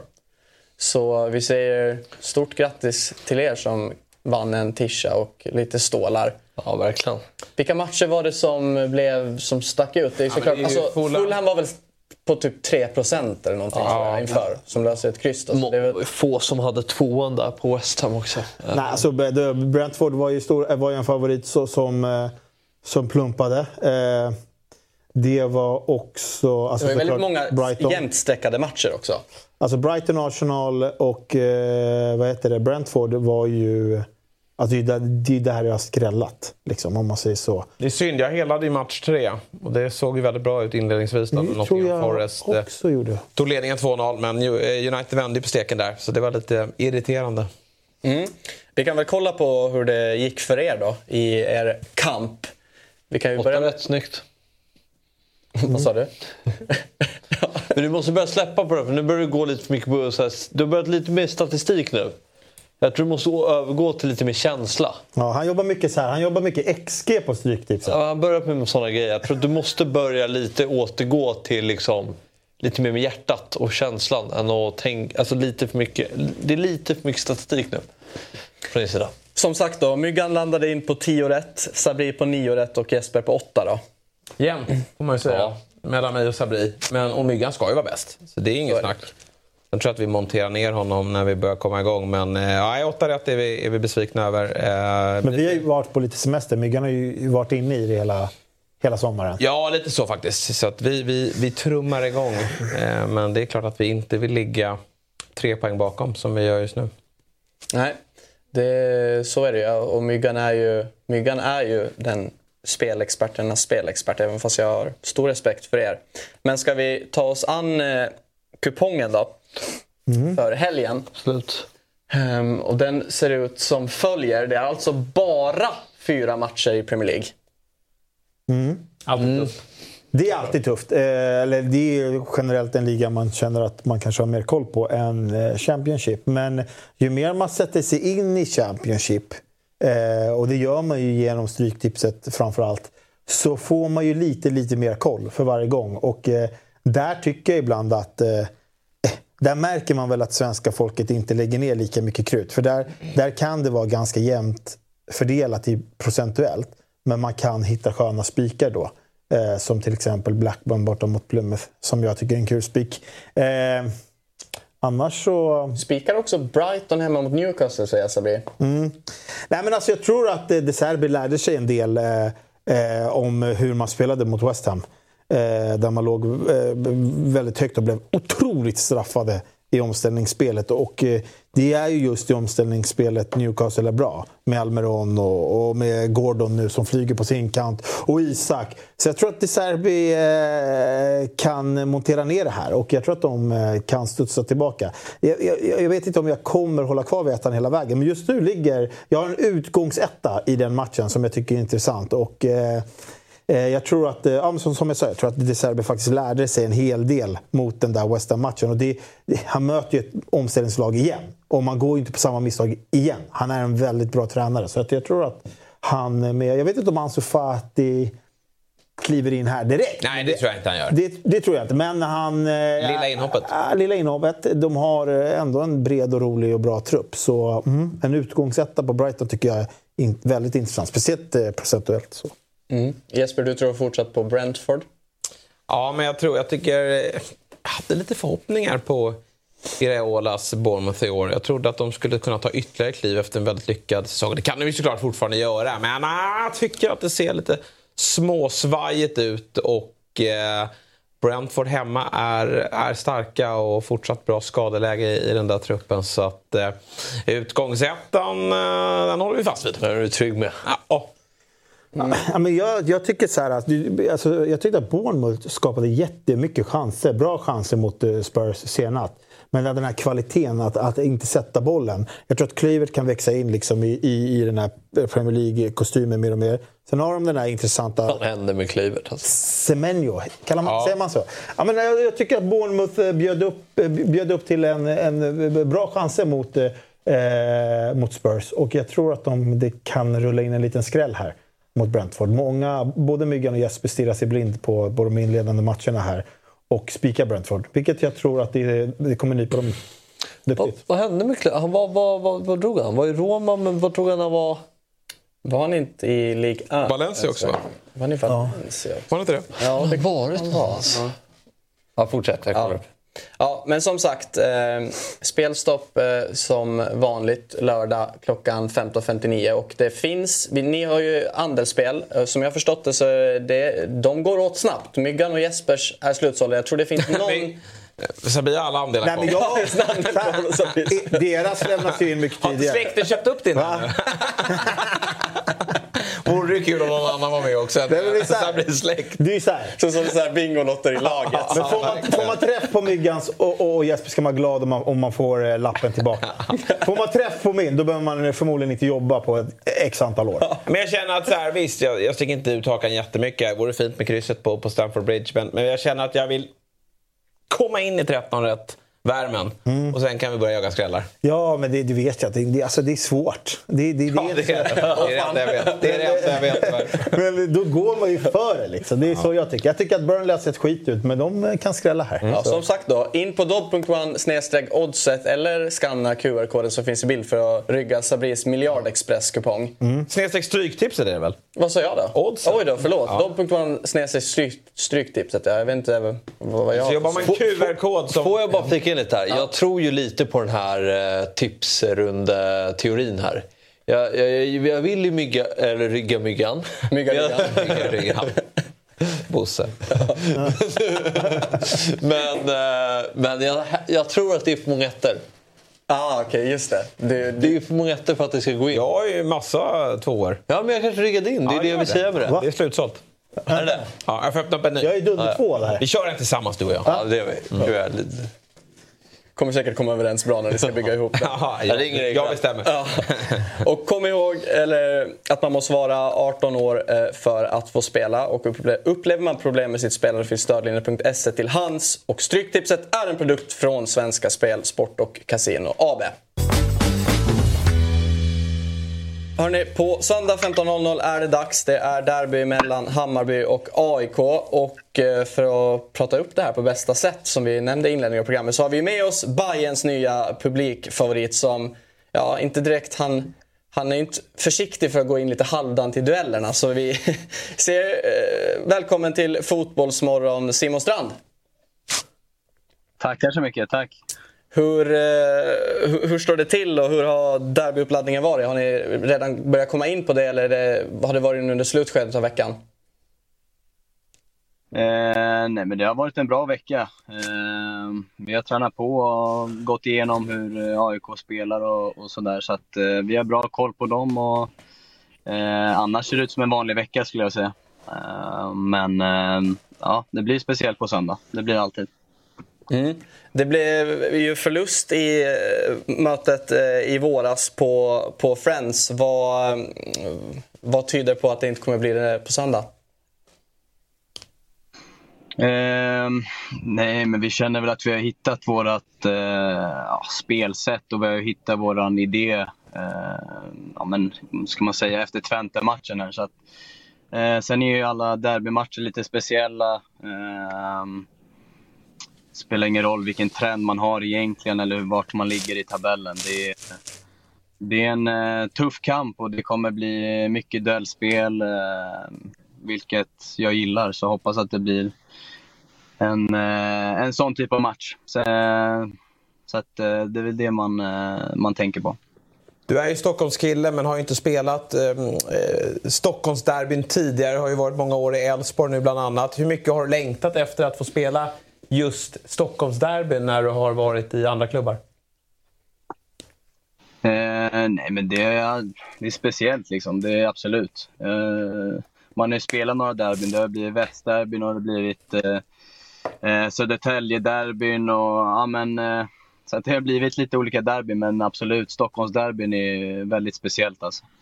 Eh, det har ändå hunnit bli några nu när jag har spelat i Bayern så att eh, man är ju väl medveten om vad, vad det innebär och eh, som jag sa innan, det är väl eh, sådana typer av matcher jag gillar att spela också. Så att, eh, eh man klagar inte, det gör man inte.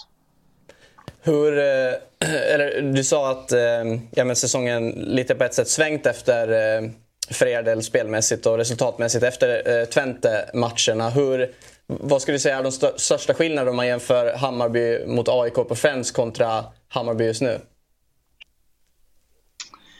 Eh, nej, men jag tycker vi är väldigt solida bakåt. Eh, vi släpper inte till så mycket farliga chanser. Eh, och det är väl där någonstans det börjar, känner jag. Att förs försvarsspelet måste sitta för att man ska kunna... Eh, ja, men det är väldigt svårt att, att släppa in eh, andra laget i matchen och det står 1-0 vissa matcher, liksom, eller 2-0 också. Det, då är det jobbigt att, att försöka vända på matchen. Men så länge det står 0-0 i matcherna så vet vi att vi har en, en bra chans. Och, jag skulle väl säga att det är väl största... Ah, det är väl att vi har eh, rättat till försvarsspelet eh, kollektivt i, i laget där vi, där vi inte släpper till så mycket målchanser. Eh, skulle jag säga. Tycker du nuvarande formationen passar er eh, trupp bättre än eh, som ni spelade förut? ja, men någonstans så har det väl formats och det känns som att det passar bättre för, för de spelarna vi har. Sen så kan vi spela på andra sätt också, men just nu mm. så, så känner väl jag och de flesta och Marti också att det, det är så vi vill spela. Eh, sen kan vi säkert ändra på, på saker och ting också, men eh, vi känner oss trygga i, i det här typet eh, av spelet vi, vi har nu och det är skönt att, att ha modellen och, och luta sig tillbaka till eh, och det känns stabilt. Liksom. Din egna säsong då, är, vad, vad, tycker du om den? Är du, är du nöjd med det du har presterat? Eh, det är alltid svårt att komma in i en ny klubb. Så här. Man vill alltid visa sitt bästa jag. Eh, sen så kände jag väl i början kanske att man inte... Eh, men det kommer successivt. Man behöver inte alltid eh, köra på 110 procent eh, direkt i, i närkamp och dueller. Men jag tycker ändå att jag har ja, men hittat mitt spel i, i Bayern nu och det börjar sätta sig. Um, och sen uh, när laget går bra också så, så är det lättare att prestera själv också. Så det känner jag också efter ja, Twente-matchen som vi kan ha en referenspunkt till så kän, känns det som att uh, därefter så har det Ja, men jag själv också känns som att det har gått från klarhet till klarhet. Uh, sen så de här senaste matcherna har jag spelat ja, på lite olika positioner. Uh, det har inte varit något problem så, men uh, um, ja, jag har fått lite rotation där på, på de fem där bak. Men uh, det är kul att, att, testa på det också. Hur kommer det sig att du trivs bättre till vänster än till höger? Trots att du är högerfotad? jag vet faktiskt inte. Det är väl någon form av... alltså man vänjer sig också självklart. Men eh, det är väl att jag har min högerfot att kliva in med, alltså i banan. Eh, positioneringen på vänsterkanten, jag vet inte, det är någonting med, med att jag känner mig mer bekväm där. Men eh, absolut kan jag spela på höger också. Ja. Eh, som sagt, det är bara en vanesak. Och, ehm, så det funkar ju där med. Men jag vet inte varför det är att jag känner mig mer bekväm på vänster. Men jag har ju som sagt spelat ganska mycket vänsterback hela, hela min karriär, så det, det ligger väl någonting i det också. Man tycker att det borde vara fler felfotade ytterbackar som trivs bättre att spela så, alltså på motsatt kant. Om man ja, tänker yttermittfältare så finns det, det är ju vanligare. Och, och Filip Lam typ. Och nu ser vi trenden utomlands också att många ytterbackar kliver in centralt i ja. banan också. Och det är också fint då att ha en högerfotad på, på ja. vänsterkanten som kliver in. Ja. Precis. Ja, det har inte varit så jättepoppigt eh, utomlands har jag hört. Alltså innan att, att eh, om, ett perspektiv om man ska gå utomlands eller någonting. Så har det inte varit skitpoppis att man är vänsterback och högerfotad. Så kan man ju säga. Men eh, du pratade lite om uppladdningen där, att ni haft en bra vecka och sådär.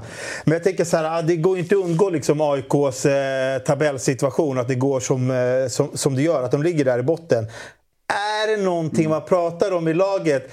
Att fan grabbar, nu kan vi spela ner AIK ännu mer här i skiten. Vi kan bidra till att eh, de, de, de eh, kanske kommer åka ut eller behöver kvala. Är det, är det någon liten extra tändvätska eller är det någonting man kanske inte pratar om? Nej, alltså deras tabelläge ser inte vi på så mycket. Det skulle jag inte säga.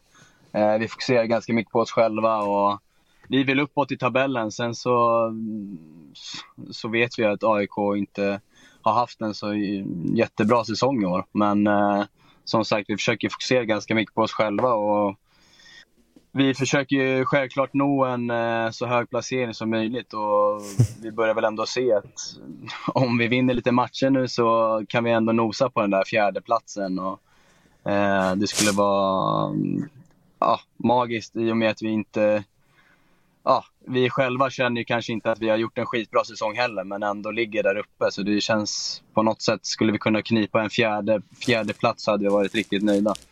Uh, så uh, jag skulle inte säga att vi pratar, uh, pratar om AIK jättemycket i det, det läget de är i, men det är bara fakta. Och det, vi men, hoppas kunna vinna matchen på söndag. Vad, vad förväntar ni er för typ av matchbild? Eller hur vill ni att matchbilden ska se ut?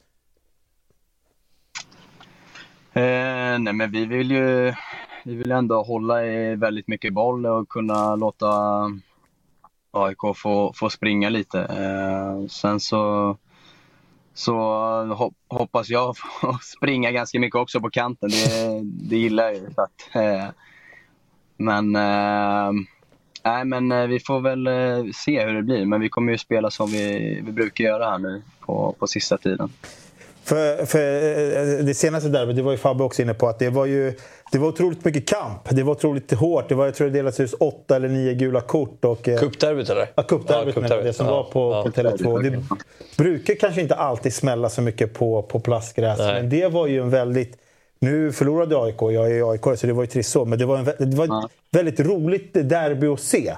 Eh, eh, Mm. så, och det, det passar väl dig? Det var lite tillbaka till gamla derbymatcherna. Det Var det Simon Strand-effekten? Det var lite strypgrepp och sådär. Exakt. Nej, men det är väl så jag, jag ser derbyn, att det ska svälla ganska mycket. Och sen får väl domaren också försöka ha lite eh, hänsyn till att eh, det kommer att smälla lite extra. Visst ska det inte vara några fula grejer, men eh, att det, det ska smälla lite extra i derbyn, det tillhör tycker jag. Sen kanske det har varit lite snälla derbyn på de senaste åren. Jag vet inte. Kommer inte ihåg riktigt, men jag tycker att det ska smälla, smälla på lite. Det är då man känner att det... Ja. Vi håller med dig. Vad, vad- vad ser du då Jesper från, från AIK-perspektiv att, alltså, hur man ska gå in i matchbilden för att det inte ska bli en Simon Strand-matchbild? då? Att han startar matchen med någon eh, klockren hård tackling, får igång publiken och bara, allt bara eldas igång. Nej, men jag vill ju också ha en sån matchbild. Alltså, även om det... Jag tänker att det gynnar ju Ja, Hammarby. det, gyn- ja, det kan det göra, men jag tror även att AIK har spelare som kan eh, stå upp. Så jag tror ändå att i slutändan handlar det om vilka som är, har, har mest kvalitet i laget. Jag, jag tror att det, det finns väldigt många skickliga spelare på, på plan i båda lag. Men jag, jag vill se en fysisk match, det är så derbyna ska vara. Eh, sen får vi väl hoppas att Simon tar ett rött tidigt. ja. Tveksamt alltså. ja, men det ska bli eh, väldigt, väldigt kul att eh, följa såklart. Och eh, du ska få återgå till ditt Simon. Eh, tack så mycket för att du tog dig tiden och stort lycka till. Ingen fara. Tack själv. Tack. Tack, tack. Lycka till. Och vi tar en kort, kort paus och sen så har vi ännu mer fotboll som ska spelas i helgen och eh, prata upp.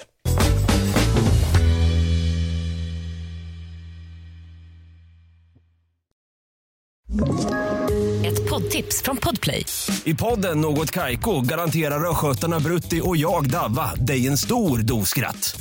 Där följer jag pladask för köttätandet igen. Man är lite som en jävla vampyr. Man har fått lite blodsmak och då måste man ha mer. Udda spaningar, fängslande anekdoter och en och annan arg rant. Jag måste ha mitt kaffe på morgonen för annars är jag ingen trevlig människa. Då är du ingen trevlig människa, punkt. Något Kaiko, hör du på Podplay. Därför är Ja, vi har ju såklart varit inne på och touchat helgens höjdare ganska rejält med Simon Strand inför derbyt såklart. Men det spelas ju väldigt mycket annan fotboll utöver det. Ehm, och eh, ja, vi, söndagsmatchen i Premier League är ju minst sagt het. Arsenal, Manchester United. Eh, vi har Malmö, ska ta sig an Göteborg. Göteborg. Göteborg. Ja, det är, det är sådär borde stavas. IFK Norrköping, Djurgården, Atletico de Madrid, Sevilla, inte Fiorentina. Fabbe, om du får välja en match här. Nej, men eh, bortsett från allsvenskan så Ja, eh, Atletico Sevilla. Eh, Mm. Just det, Atletico är ändå ditt lag nu efter CL-tippningen. Ja, Alltså, och Sevilla är spännande med 3E, eller 3L.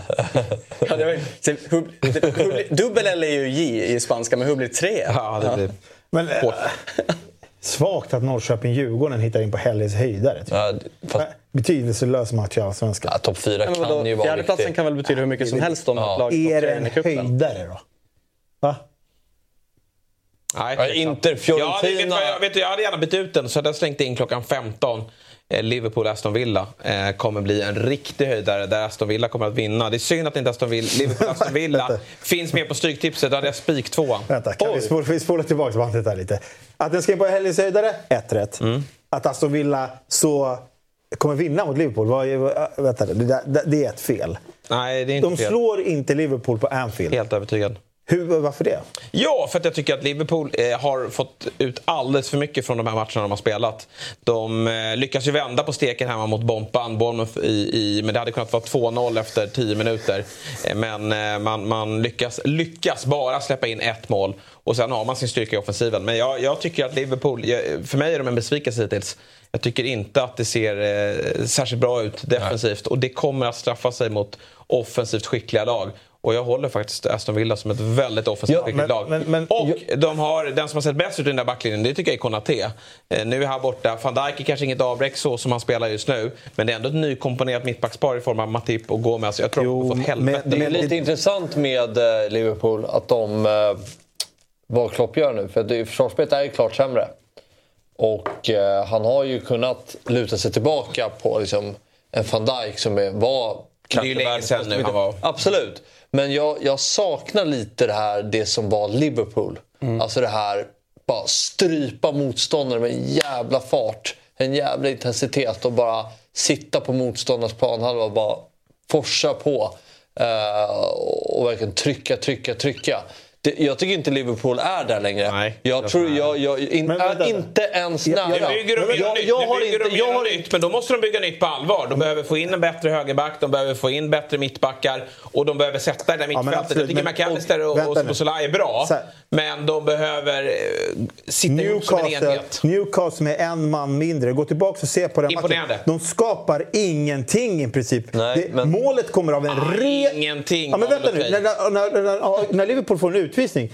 Newcastle har inte jättemycket chanser. Det kan vara att utvisningen kommer för tidigt och det är liksom man, man kan etablera sig ett bra försvarsspel i Liverpool. Men Liverpool gör en jätte, jätte, jättefin insats Men det är ju för att man utvisningen. ställer sig lågt. Och det Men- gör man inte hemma på Anfield. Men, men målet kommer ju av en, av en ren, ren, ren... Alltså så här, den går under hans fot. Man kan säga vad man vill om det. Det är ju bara... Alltså det är ju otur av eh, Trent Alexander-Arnold. Sen är det så här, det, det är ganska nykomponerat mittfält som kommer sätta sig. Ja, ja. Nej, men- Sen, jag är så här, har du sett Aston Villa? Spela otroligt högt med backlinjen. Nunez kommer starta den här matchen. Och ja, Nunez kommer göra två mål igen. Han får starten. Nunez kommer få starta Ja, men det mot Aston Villa. Aston. Villa står högt med backlinjen. Vi såg när Newcastle gjorde det här mot Liverpool med en man mer. Straffa sig direkt med Nunez som går i djupled. Man kommer inte starta med Jota som gillar att och kanske droppa och droppa ut mot kanten. Man kommer starta med, med, Jag tror Unai. Emery kommer att rätta till det där och stå lite, lite lägre i den här matchen faktiskt. Men man kommer vara väldigt farliga på omställningarna. Jag ska inte sitta och säga att det är en spik tvåa, men jag tror att det är en väldigt öppen och rolig och underhållande match faktiskt. Och jag är- köper att Klopp bygger om någonting här. Det är mycket eh, nya spelare och eh, det, det kommer få ta lite tid. Det är inte i år man ska vara med och utmana.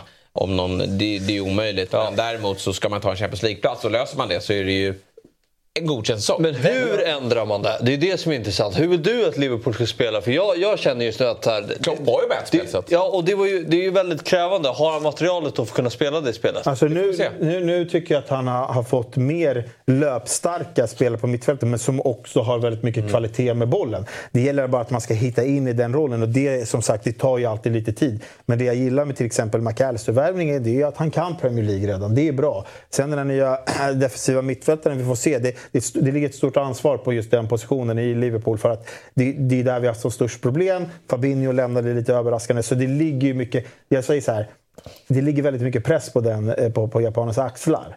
Eh, för att han antlar, han antlar en roll som är väldigt krävande i Liverpool. Man utsätts ganska mycket där. Men eh, jag tyckte att han... eh, Problemet är ju att Liverpool har en rädsla i när de står högt. Det är att bollar som hamnar bakom dem, det löste van Dijk förut. Det gör han inte Ja, men längre. det är det jag Han menar. är inte Det är- tillräckligt bra. nej. Han är inte tillräckligt bra för att ha den där höga backlinjen. Det är ju därför Trent och Robertson ser så kassa ut också defensivt. De har alltid varit kassa defensivt. Men då har de haft van Dijk som har städat undan det som kommer in bakom det. Han har ju varit en gigant. Nu är det ju eh, otroligt skapligt. Det är det jag menar. Kan man då kliva högre?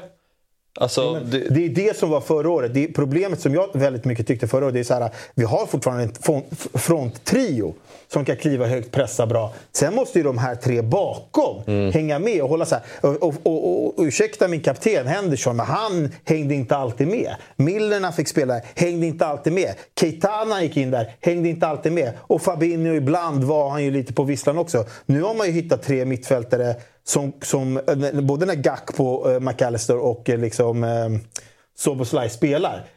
De orkar springa mycket, mycket, mycket mer. Och när det här eh, pressspelet sätter sig, för det ser jag ändå lite tendenser hela tiden nu, då kommer de bli otroligt farliga. För det är så här, ni pratar om att det är bollar bakom våran backlinje.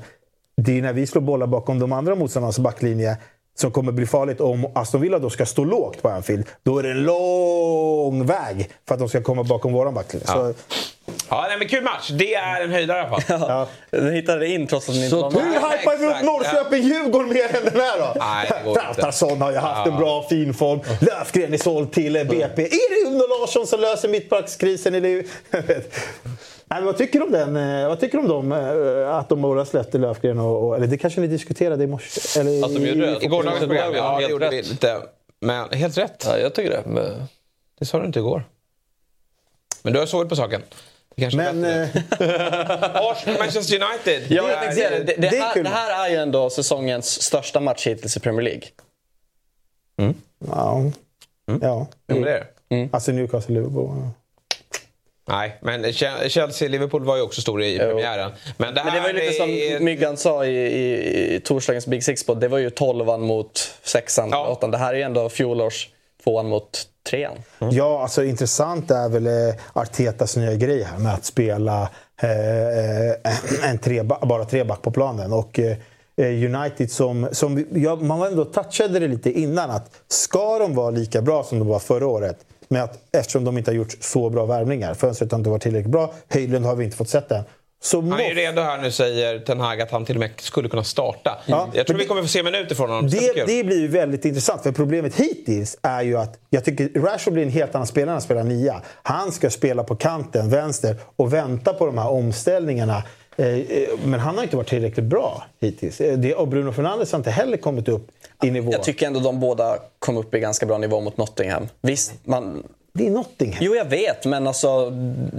han då kommer ju fortfarande därifrån som matchens spel. Alltså men, Bruno. Men nu, nu, nu när de inte levererar, då finns det ju tyvärr... Alltså det, det, det, de andra håller ju inte den här pressen på axlarna. Anthony, Martial var helt iskall. Sanchos jävla inhopp är ju värdelösa. Eriksen, alltså Mount som man har värvat som en bra värvning, blir ju bänkad för att han inte var tillräckligt bra. Skadad. Skadad nu. Ja, skadad i och för sig. Men alltså, han har inte heller liksom kommit in i det helt rätt. Jag tycker att Ten Hag kanske spelar på lite fel position. Nej, alltså, absolut att de inte har kommit in i säsongen som man hade önskat såklart. Också ett år in under Ten Hag, men man, man får, jag väljer ändå att ta med det positiva. Att man, Ja, men det gör ju- det man gör- har ändå sex man poäng på går tre dåligt. matcher sett till de prestationerna. Sen Och så länge, ja. Det, det, det är som, som här, men varför har man inte gjort en backup till Shaw? Man vet att han är en skadedrabbad spelare. Och nu kommer det så här, sista minuten-värvning när han då har gått sönder. Det är Alltså så här, backupen är väl Malaysia Malaysia, som ja. är skadad också. Så, men absolut. det är väl, ja. Men, Men att man sitter- eh, man- jag tror att den- just den här matchen kan passa United rätt bra. Arsenal har ju sett eh, inte heller helt klockrena ut. Sen borde de ju ha lämnat, eh, borde ju egentligen stå på nio poäng kan man tycka. Ja, det var ju märkligt att de tappade poäng mot Fulham. Men just den här matchen kommer nog passa United med deras omställningsspel. Men jag tycker att det är lite Uniteds problem i sin helhet under Ten Hag. Att det är lite för mycket Ole Gunnar Solskär, omställnings-United fortfarande. Tycker fortfarande har problem med att kontrollera en matchbild. Alltså äga, äga en match över gör 90 de. minuter. Det har de väldigt svårt att göra. Och i just den här matchen behöver man inte göra det för jag förväntar mig att det är Arsenal som trycker ner United. Ja. De står lågt och sen får de ställa om på sina gubbar. Och då blir de väldigt farliga. I synnerhet om de kan få in Höjlund här i några minuter också. Har- Men eh, United som, som lag för att de ska kunna vara med och på sikt kunna utmana om ligatitlar och, och de större titlarna. Då måste man ju eh, Jag tror kunna äga en matchbild. När vi summerar den här säsongen så kommer det bara handla om Arsenal City. Eh, De är kommer bara handla om City, men Arsenal Ja, men alltså som Ja. solklart tvåa. Jag tycker alltså, det Arteta gör med Arsenal är så ruggigt imponerande. Och eh, nästan utvecklar det hela tiden. Jag tycker de... Ja, nu blir det här poängtappet men eh, jag vet att du tror Liverpool men Liverpool kommer inte ha en chans. Nej, jag säger inte att jag, jag tror på Leo. Det, det är en liten fördel är väl att eh, man kan spela ihop en stark elva. Mm. Eh, som, eh, som sagt, vi har varit inne på att man kan rotera lite i Europa League. Så kan man ju absolut eh, kommer Liverpool utmana om det där topp fyra. Jag tror fortfarande Ja, att det att kommer det, de. det, det, jag tror fortfarande att det är City som går och vinner. Sen hur många poäng bakom man är Arsenal då om andra platsen det, jag, jag är inte så säker på att det kommer vara någon så här att de kommer ha runnit iväg Arsenal. Dock tror jag att City kan ha runnit iväg. Men plats 2, 3, 4 kan det bli lite mer fight om. Men just med Arsenal, det är intressant att se om, om de startar med Gabriel Jesus här. För att eh, Enketia är skadad. Enketia är ju skadad och Trossard är ju inte den nian man ska vara. Men det, det jag tycker att man har saknat lite, det är Martinelli. Jag tycker inte han har kommit in i det riktigt rätt. Men jag, jag tycker att förra året, hans kombinationsspel med Jesus är mycket bättre än, än Enketias och Trossard. Så eh, spelar Jesus från start här, då tror jag man kommer få se en helt annan Martinelli. Och det är för ni som spelar FBL som är proffs. Så ska man inte byta ut Martinelli tycker jag. Nej. Om det är Jesus som startar. Det kan vara... Jag sitter på dubbelt här så det... Men det här, helgens höjdare. Alltså, inte Fiorentina. Den ska inte vara där. Jo men alltså du vet, har vi inte med en match från Serie A, du vet, då blir det... Det kan Det blir bli ju lite... två med. Napoli-Lazio är kul. Ja. Ja, vi ska ta oss vidare. Det är nämligen så att eh, vi har ett nytt segment på gång. Och jag tänker nästan att jag lämnar över ordet till dig Sabri. Du ska inte presentera det överhuvudtaget. Vill du att jag ska göra det? Ja, du kan presentera vad det är. Ja, men okej. Det är ju alltså ett segment då eh, som heter Är det så fel att? Och då i det här segmentet ska vi helt enkelt utforska olika frågor, dilemman och kontroverser. Och på det då ställa oss frågan, är det så fel att? Och det är du som ligger bakom det här. Eh, ja, alltså sen vill vi gärna ha hjälp av... Alltså här vill vi engagera liksom tittarna och, och lyssnarna. Att har, ni några, har, ni något, har ni någon rubrik här eller har ni någon eh, kontroversiell grej inom fotboll? Det är nästan som en unpopular opinion. Eh, så skicka in dem till karlmc.dobb.se. Eh, och så, för jag har bara en idag, för vi tänkte att vi bara skulle testa det. Och så får vi se om det blir ett eh, diskussionsämne här i... Eh, det kan bli en flopp, det kan bli eh, bra. Vi får se. Men eh, blir det bra och, och tittarna och lyssnarna gillar det så kan det kanske bli ett stående segment. Men eh, då... ehm, jag kan lägga ut texten här då. Men jag har byggt upp det lite så att istället för att bara ta det är, är det så fel att... Så jag har lagt lilla texten innan så att man ska få eh, en lite skön känsla av det. Så jag läser upp det här då. Är ni med? Yes. Du är sedan tidiga åren i livet en inbiten fotbollssupporter i ditt svenska lag som du älskar lika mycket som du föraktar allt motstånd som möter dess väg. Framgångarna är inte lika självklara, men lojaliteten dör aldrig. Samtidigt har ett rivalisi, rival, nu tappar jag ordet. Rivaliserande motståndarlag under året haft otroliga medgångar och seglar nu fram i Europa med stor framgång. Och du kan inte låta bli att känna en liten men ändå tydlig känsla av stolthet och glädje för dina landsmäns segertåg ute på kontinenten. Är det så fel att heja på ett annat svenskt lag ute i Europa?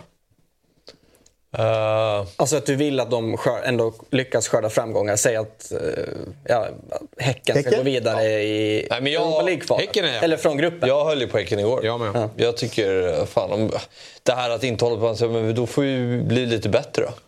Alltså, Djurgården åker ut mot ett uselt Luzern. Ja, Som Djurgården absolut inte ska åka ut mot eh, i- i- över två möten. Alltså, då, kan, alltså, då kan jag lika gärna... Jag är mer besviken på det än att Häcken tar sig till ett, ett gruppspel. Men om Bayern hade slagit ut Twente då? Nej, det, men det är klart, där, finns, där är en annan... eh, Så i Rivalitet. Din, Så där- i, I din bok handlar det om att det beror på vilket svenskt lag Ja, det är. jo, exakt. Ja, det är väl Men där, om, ja. om du blickar framåt då, tio år och Häcken fortsätter göra som det gör med, den här, med de här nya ungdomarna i Göteborg som kanske kommer börja hålla på Häcken istället för Göteborg. De bygger en ny arena, de blir ett storlag i Sverige. Och så, eh, om är du ett ser storlag lite, i Sverige. Ja, men om du ser lite framtiden, de kommer skaffa sig extremt mycket pengar vilket kommer göra ditt lag sämre än dem.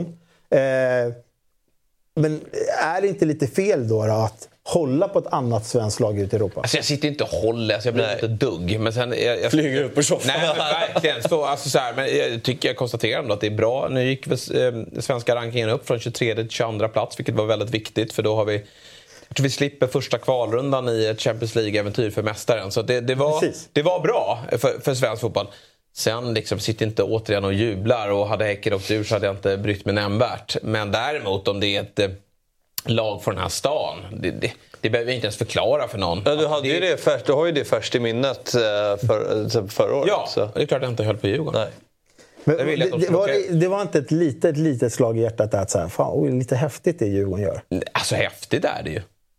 Så du höll på dem lite. Absolut inte. Men häftigt, det är ju imponerande. Men det, det, alltså, så här, Imponerande. tar man i andra länder så kan det vara väldigt kontroversiellt. Att liksom, man, tycker, man vill absolut liksom inte att något annat lag ska gå, bättre, gå bra i Europa. I Grekland är det väldigt mycket så. Ja. Man vill ju Så verkligen... är det ju lite i Sverige också. Ja, men jag blir ju lite... Typ nu med Häcken. Så blir, det blir inte så här, ja fan det här är synd, nu kommer Häcken dra in en massa miljoner. Det kan bli, det kan bli förödande för konkurrensen i svensk fotboll. Då blir jag mer så här, men vi, vi lyckades inte ens slå det här pissgänget från eh, Schweiz. Alltså, det jag tänker mer så.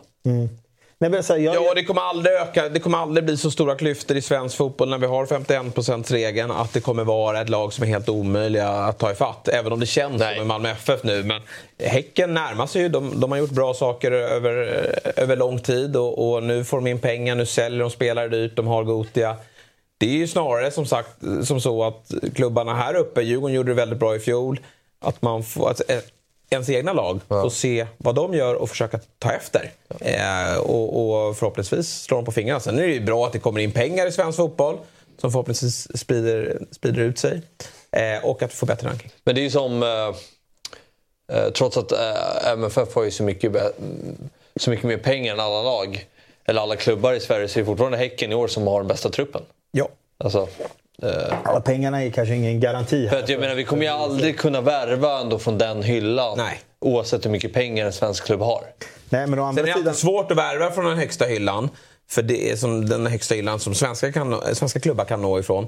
För det är ju alltid något defekt med den typen av spelare ändå som kommer till Allsvenskan. Och det är inte självklart att de som har kanske varit på en bättre nivå kommer leverera i Allsvenskan. För det är en väldigt svår liga att leverera i. Ja, men sen å andra sidan så ser vi alltså, vad Malmös pengar kan göra. De går in, de ser att uh, Oliver Berg är ju en allsvensk klassspelare i grund och botten. De går in från en toppkonkurrent och plockar han. För de har cashen.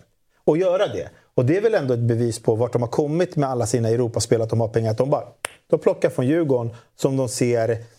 De, Ja, det det, var, det var ett unikt eh, var ett tillfälle unikt, ja. Alltså, Djurgården, eller Malmö går ju inte in och plockar vad ska vi ta för exempel? Marcus Danielsson. Det, är, det finns ju inga pengar alls. Så försöker vi göra det med Kerim Rapti för massa Ja, jag vet. Nej, men det, alltså, ja, visst, Malmö, lägg 50 miljoner så får ni honom. Men det, så, så dumma är ju inte Malmö FF.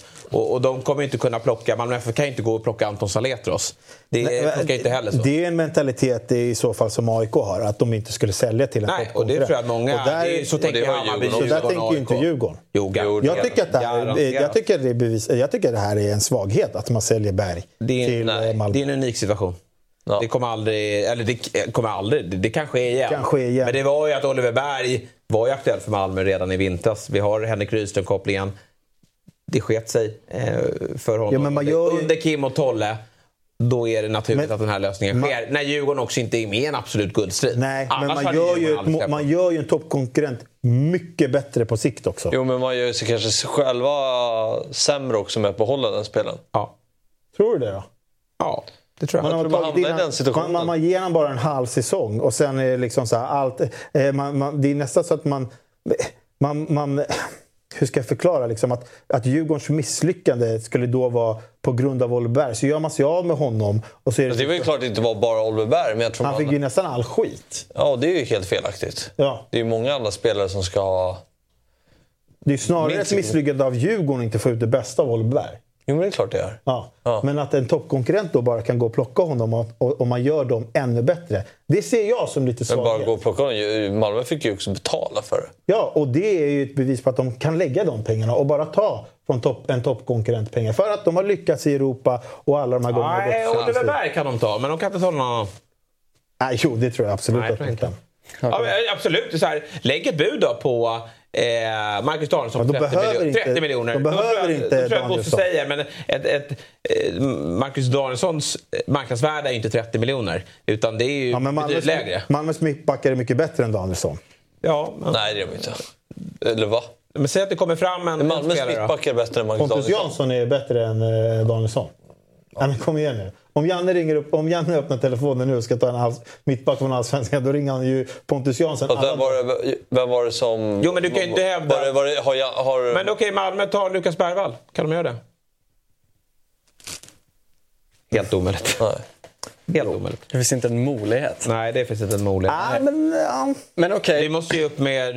med Bergvalls marknadsvärde är ju... Ja, alltså, det är, ju, det är extremt mycket. Men eh, säljer man honom till en toppkonkurrent, då har man ju helt och hållet checkat ut. Alltså, då är det otrolig svaghet. Men jag vet inte. Jag, jag är bara inne på den biten att nu Djurgården har gjort ett par misslyckanden. De har gått på ett par misstag. Och jag bara, jag bara känner... Ja, det gör ju många klubbar Jag vet, det har men- ju AIK gjort också. Men AIK skulle aldrig sälja... Alltså om Saletros gör tre dåliga matcher idag. Eller tre mål, det här, så och Malmö knackar på dörren. Skulle de aldrig sälja honom till Malmö. Ja, men så kan de skulle inte hellre låta... eh, De skulle sälja honom utomlands. De skulle så aldrig låta honom gå Men till så Malmö. kan du inte jämföra. Det är inte, det är inte, det är inte där... Det är inte så situationen med Oliver Berg har varit. Att det bara handlar om att det är tre raka eh, dåliga matcher. Nej, men alltså han kanske inte har mer presterat det. utifrån vad, vad, vad Djurgården har velat. Nej, såklart. Men... eh, Men jag tycker att ja, Djurgården gör ett... Eh, jag tycker att det tyder på svaghet att man säljer en sån spelare till en toppkonkurrent och Nej, gör dem ännu bättre i längden. Ja, Jag- kanske jag- aldrig hade gjort så, men det går ju så jävla mycket bättre för AIK som klubb också. Det säger jag inte att det gör, men jag säger bara att eh, sälja till en toppkonkurrent hade de inte gjort. Ja. Det ser ut som att vi inte armar. Det är svårt att ta det seriöst när du sitter sådär. Men eh, okej, okay, men bara för att runda det här då. Vad, vad kom vi fram till? Är det så fel att hålla på en annan svensk klubb? Nej, det är inget fel. Alla gör som de själva vill. Det tycker jag är det viktigaste i svensk supporterskap. Att det är väldigt många som pekar på finger på hur folk agerar. Det, det, man får faktiskt göra som man vill. Eh, vill man ha VAR så får den personen tycka det och så kan man ju argumentera emot den och mm. tycka att man inte ska ha VAR. Jag tycker inte man ska ha VAR men jag respekterar den som tycker att det ska vara VAR. Så det där är det värsta som finns inom supporterkultur, att man måste vara på ett visst sätt. Och vill man heja på ett svenskt lag ute i Europa, då får man göra det. Sen har jag ju väldigt svårt med min grund att stå och heja på Djurgården eller Hammarby när de går ut i Europa. Det, det blir väldigt svårt. Häcken däremot känner jag att det där laget får gärna eh, gå vidare ut i Europa. Och jag är väldigt imponerad av det de gör. Det är en, det är en eh, häftig resa de har stått för och jag är inte ett dugg förvånad att de eh, spelar i Europa League. Sen kan jag tycka att vi, alltså bara, om vi bara återgår till transfers lite, att det är, så här, det är lätt för oss att säga ja, men varför säljer den klubben den spelaren till den klubben och sådär. Men det är ju så svårt för oss att sätta oss in i situationen. Uh, visst, vi måste spekulera och gå på de sportsliga grunderna men om man inte vet vad som har hänt liksom, inne i det så är det väldigt svårt att liksom Nej, ha en men, åsikt. Men, men ska man, då, då, alltså ska man, och nu syftar jag inte bara på Oliver Berg. Nej, men vet, ska man ha den eh, insynen, ja, men då kan ju nästan... Då, då kan ju, 98,9 procent lägga ner sina åsikter. För det är bara väldigt få personer som har en insyn. Men det är väl hela grejen att man ska få ha lite ja, åsikter absolut. och tycka och diskutera. Alla tycker ju väldigt olika och sådär. Så det, det tycker jag är kul. Men jag, jag kan faktiskt eh, hålla med grabbarna lite om att Eh, det spelar lite roll vilket lag det är. Sen hade jag, så här, jag hade tyckt det var skitkul om Häcken hamnade i samma grupp som Liverpool. Alltså wow, Liverpool kommer till Sverige. Mm. Eh, man blir avundsjuk. Eh, det, verkligen, eh, det blir man. Det Sen eh, ja, ja. Djurgården Bayern nej. Och eh, jag ska vara ärlig och säga uh, Malmö nej. Eh, jag, jag skulle Sen kanske, herregud, Häcken kanske hamnar i en situation där de håller på... Alltså de tar över Malmös position. Mm. Säg att de skulle vinna guld i år och så tar de sig till Champions League. Ja, Då är de ju faktiskt nästan mm. ifatt Malmö FF. Och så gör de det igen. Då kanske man börjar känna att nu får det räcka. Ja, det, det, Men nu, just nu är de en, en, en, en charmig klubb. Med en charmig tränare, en charmig sportchef. Väldigt många bra spelare, spelar på ett underhållande sätt. De, de, ehm, ja, de tar ju det. I, I fjol var ju, var ju jag lättad att de gick och vann. Eh, och att det inte var Djurgården eller Hammarby som gick och vann. Så då blev de ju, kom de ju lite närmare eh, mitt hjärta. Och sen herregud, Häcken är ju ett lag som ligger AIK eh, nära om hjärtat med tanke på vad de gjorde 98 då. När de, eh, slog, när de slog Helsingborg i sista omgången. Jumbo, Helsingborg etta. Häcken vinner mot eh, Helsingborg, AIK vinner sin match mot ÖIS och blir svenska mästare. Mm. Så att, eh, nej, det finns ju en anledning till varför jag håller Häcken ja. lite Men det, det, må, det måste jag med, med Häcken att de spelar ju överlägset den bästa fotbollen. Ja. Alltså det är men väldigt, det är titta, alltså även igår mot Aberdeen, jag tycker de hanterade den matchen perfekt. Ja, det... Alltså det, de, har, de, de, de, spelar, tycker jag, på ett grymt roligt sätt. Spelar på, som även är liksom vägvinnande. Ja, jag skulle säga att det är... Eh, men jag, jag ställer mig lite det mest, alltså inte det bästa laget, men, men det är det mest underhållande svenska laget mm. som jag har sett från Allsvenskan. Och det är där, det är där jag är som mest besviken på, lite det vi pratade om med Liverpool, det här med identitet. Det är där jag är lite besviken på Djurgården i år, att man har tappat lite det som var Djurgården. Att Okej okay, att man slutar fyra någon säsong, men att man har tappat sitt spel, grundspel. Det är det som frustrerar mig mest. Här, det är väldigt svårt att vara i toppen varje år. Det, konkurrensen är stor i Allsvenskan. Men att Djurgården har tappat mycket av sitt spel, det frustrerar mig lite. Om man tittar liksom på hur fotbollen har bedrivits det här året så är det inte på alls samma sätt som man har lärt känna Djurgården eh, de senaste två åren. Och det vill jag koppla lite till, till Liverpool. Har, kan Liverpool få igång det där igen? Och, för jag värdesätter den fotbollen man spelar väldigt mycket väldigt högt när man går och tittar på sitt lag. Mm. Och framförallt det man har fått, fått se. Ja, det, det, det, det laget har skapat som vana. Så här, när man går och kollar på sitt lag så förväntar man en viss typ av fotboll. Och den tycker jag till exempel att Djurgården tappar lite i år. Uh, och därför tycker jag det är så kul att titta på sättet Häcken spelar fotboll. Att... Ja, men då gäller det ju också att värva spelare som är, är med, ja, absolut. Som passar in ja, i den ja, bilden. Alltså, det ska alltid komma in lite nytt blod som är villiga att göra jobbet och liksom hungriga. Men de ska också vara anpassade till hur mm. tränarna vill spela. Det är väl där Bosse och Djurgården har misslyckats. Ja, som sagt. Eh, om man känner att man har några är det så fel eh, i banken så då mejlar ni in dem. Kul segment! Ja. Mm. Ska Det, försöka det, få det, lite... kan, det kan landa lite var som helst. Ja, men det, det, är, det är det som är lite tanken med det. Sen eh, kanske i framtiden kommer vara kanske att det är, om det är du eller Axel som programmet så kommer vi tre få reagera. Det är inte alltid jag som kommer ta ut dem. Så om tittarna skickar in till exempel så, och, och, och Axel och Kalle hittar någonting bra så är det vi som kommer få reagera. Som sagt, mejla in då till karlmesse.dobb.se. Nu innan vi eh, rundar av så ska vi ta oss an Allsvenskan Fantasy. Man får inte säga Fantasy Allsvenskan, har jag lärt mig. Ja. Ja, vi ska i alla fall börja med att kolla på kommande omgång. Sabri? Hur går det i fantasy alltså? Ja, går det? Nej men alltså, nu ska jag inte skryta sådär, men alltså fas 3 här, eller är det ett, Jag börjar göra en liten Gnaget, alltså jag var lite bättre på höstsäsongen. Så du är inte riktigt lä- sist längre? Eller vad menar du? Eh, Nej, sist har jag väl aldrig varit. Men eh, förra året låg jag ju etta fram till omgång 19 och tappade allt. Eh, nu, har jag, ju- nu, har jag, nu har jag varit den här nu har jag varit den här som folk inte riktigt eh, räknar med. Och så har jag tagit in 3-4 poäng, 5, 10, klättrar lite, gör lite min egen grej. Tålamod är ordet. Det är lite samma sak i, i eh, FBL. Jag tappar tålamodet, men, Men det går om, lite bättre. men om vi kollar på omgången då, utan att kolla på den, vilka som är de stora matcherna, utan ur ett fantasyperspektiv. Alltså ett fantasy- Vart ska, man, vart ska man rikta blicken? Nej, men det är ju såklart eh, eh, topplagen. Alltså Elfsborg mot Värnamo, Häcken mot Degerfors. Eh, det är, många sitter ju trippelt där. Och eh, Elfsborgs schema efter Värnamo är också väldigt, väldigt fint. Eh, frågan är vilka spelare man ska sitta på därifrån. Eh, vill du ha två i backlinjen? Vill du ha in Simon Hedlund nu om han i så fall kommer starta? Vill du satsa på Baidu som alltid gör som man gör varje höst? Kommer igång ordentligt. Sen har du BK Häcken mot Degerfors som är en intressant match. Jag tror att, eh, jag tror att här folk kommer tänka att eh, Häcken kör över Degerfors.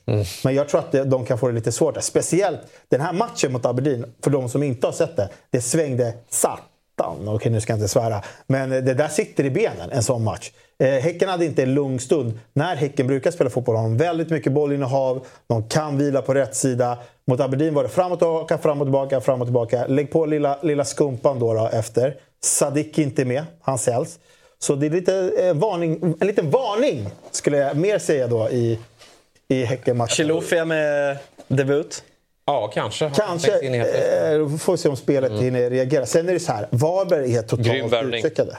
Eh, Varberg är totalt utcheckade. De har ju sålt halva försvaret spelare. Så att, eh, Brommapojkarna, underskatta inte dem. Alltså, de, de, är- det är ett lag som har allt att spela för. För övrigt inte ett dugg förvånad att Chilufya inte lyckades. Väldigt begränsad spelare, måste jag säga. Väldigt bra i Allsvenskan. Bra med allsvenska mått mätt, men att han inte har höjden för att lyckas ens i Midtjylland kunde jag se. Sadik, en helt annan nivå.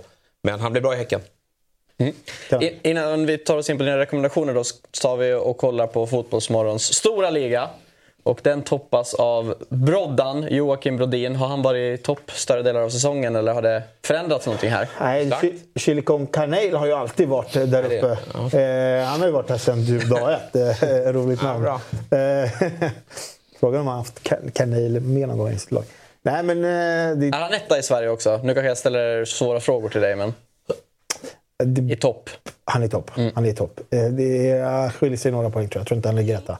Men eh, ja, det är bra siffror här. Alltså vissa, alltså 90, 92, 85. Egon, Eh, han- 38 poäng. Ja, Ah, jag fick 16 förra gången. Vad sa du? Jag fick 16 förra gången. Alltså 38 är... Måste vara rekordsvagt. svagt. Men det, det, det, han kan ju ha suttit på tre Häcken här mot Göteborg som torskade med 4-1. Eh, kanske kaptenat Sadik då, som missade straff och fick minus ett. Så då, då, då är det svårt, eh, självklart, eh, att ta poäng. Men jag tror att de här flesta har haft något form av kort här som har tagit 90-85. Okej. Låt oss kolla på studiokampen då. Så får vi se hur det går för dig Sabri. Du är på en tredje plats. Mm. Ja, jag har ju varit eh, längre ner. Men jag börjar, börjar klättra lite närmare och närmare. Jag tror att tror jag ett tag låg bättre. nästan... Jag låg väl 80 poäng bakom Jelks. Eh, och spökskeppet som vi inte har rört då. Och spökskeppet ska sägas. Eh, ska både få använda har vi sagt innan att den ska få använda parkera bussen, dubbla kaptener och, och lånelaget. Jag har inte gjort det, men jag är ändå före Fabian. Ja, 100 poäng för. Nej, hon hedrar dig. Det, det, det handlar ju om topp fyra här. Det, det, Nej, det är de som kör. Det, det kom någon jävla Game Week 9 eller vad fan Ja, det men var. fan, du kommer, fantasy kommer aldrig funka för dig. Nej. Det kommer aldrig Men det. Tyvärr, vi alltså. har ett stort mål här. Ja. Ja, det är att Jalkemo ska ner. Han ska inte vinna den här ligan. Det, Apropå då, är det, är det så fel att heja på ett annat lag? Kan du heja på Snäcke då? ja, om du är- alltså, han är ändå Ja. gnagare, så det kan jag göra. Men han är ju lite småvidrig han med. Eh, kaxig och sådär. Så nej, men jag, jag, jag hoppas ju att alla på Dobb håller på mig. Eh, Axel är så jävla tråkig så det finns inte. Så. Mm, okej. Mm. Eh, ja, men eh, 80 poäng, det ser ju stabilt. Jag är som de där uppe i topp i Sverige. Ja. Vad rekommenderar du då? Klart vi rekommenderar Trautarsson hemma mot eh, Djurgården. Jag tror det kommer smälla på, jag vill säga parken, men jag säger parken. Eh, nej men ibland ska man gå på de formstarkaste spelarna och här har du en. Han är dessutom straffskytt också i, i Peking. Och Djurgården, ja, de har gjort ett par stabila insats, insatser här senast, men det är lite som Fabbe är inne på. Man, man vet inte vilken identitet av Djurgården man får. Eh, och jag tycker alltid att det är, är mm, roliga matcher mellan de här två lagen. Jag tror det kan eh, svänga ganska mycket. Och, och som sagt, Trautarsson är eh, billig sett till form. Och ehm, eh, ja, du kan göra raka bytet där mot Sadik eh, som kommer säljas och då kommer du spara pengar på det. Eh, och eh, fan, Norrköping är på G alltså. Nej. De, De har haft sin peak. Djurgården, sitter före Norrköping. Ja, det kan de mycket väl göra, men det här handlar inte om, det här handlar inte om att de ens behöver vinna matcher. Det handlar om att Trautarsson kan göra två mål och de kan förlora med 3-2. Helt, Ja, det kan jag. helt oväsentligt om Norrköping vinner eller inte. Det handlar om hur mycket mål de gör. Och gör de mål, då ligger ju han bakom det. Så jag tycker att Trautarsson är kul. Och en annan formspelare är ju Baidoo. Som smyger. Det stör mig lite att han kostar 8,0. Det är helt baserat på att han hade en, en hyfsad eh, to, sista 12 matcher förra året. Så här, spelet har ju överdrivet med prislappen. Ah, han är för dyr. Ja, alltså han är för dyr när de sitter på liksom Bernhardsson, Ockels och Hedlund på mittfältet. Alltså, då, han ska ju kosta 6,5, han ska inte kosta mer. Men eh, formen är där. Eh, och det är, det är en differential, eller nu pratar jag FBL-språk, men det är väl en jävla joker här framöver för alla som, för att han inte vald av så många. Så det är mina två rekommendationer och Elfsborg har ett fint schema. Har du något, eh, har du, har du något kaptensval? Ja, Trautarsson är ju en. Eh, som jag tycker är kul. Och sen är det Jeppe Ockels eh, borta mot Värnamo. Som jag tycker. Det är, det är två, eh, jag, tror, jag tror inte att eh, alla. De kommer inte sitta i de här två lagen. Mycket möjligt att det kan sitta på någon back, men eh, eh, jag tror att många ändå kommer bindla Häcken mot Degerfors. Men där tycker jag att man ska vara lite försiktig. Så. Ockels och Trautarsson. Jag vet vad jag ska göra med mitt lag. Jag ska byta in Samuel Lidsholm och bindla honom mot Varberg. Det är inte dumt. Den är bra. Ja. Den är, den är göra. ruggig. Ja. Han är eh, kanske lite ännu mer revanschsugen här eftersom han, hans eh, drömövergång som han drömt om sedan han var liten eh, inte gick in. Så eh, får han Det får kriga på i för dig. Men den här matchen, om man bara får ta ett äh, fotbollsperspektiv. Värnamo-Elfsborg är en otroligt intressant match ur liksom ett taktiskt perspektiv. Um, Värnamo som jobbar väldigt mycket med build-up mot ett Elfsborg som jag tycker pressar på samma sätt varje match. Eh, jag är förvånad alltså, att inte fler hanterar Elfsborgs spel bättre Men än det- vad man gör. Kän, känslan är så här, hur, hur mycket kan Kim motivera gubbarna? De är ju klara för ett nytt kontrakt. Vilka? Värnamo. Ja, Med fyra poäng före. har jag sett fel eller? 26 poäng. De är, inte 32? Nej, Nej. Värnamo är indragna. men det är Oj, just det, det, det det perspektivet. För jag tycker... Vänta nu. Fan, är Intressant är ju hur Värnamo hanterar den matchen. Jag tycker Elfsborg uppträder ju ofta på samma sätt varje match och är väldigt bra på det. Men ibland så kan vara förvånad att inte fler lag har hanterat det bättre. Till exempel Elfsborgs pressspel. Och Värnamo är ju väldigt bra på att bygga spel bakifrån. Så det, jag ser fram emot den matchen utifrån det. Bra hörni, vi ska runda av. Men innan vi gör det Jesper, slår vi ett slag för... Dopp. Kämpar vi? Ja, Dopp-TV. Exakt. Jag bara undrar vad vi skulle slå ett slag för. Vi slår ju ganska många slag för våra olika produktioner. Ja. Men hemma hos Dobb-TV så går det ju faktiskt att äh, lösa ett årskort för 699 eller ett månadsabonnemang för 59 om man vill ha en enskild produktion.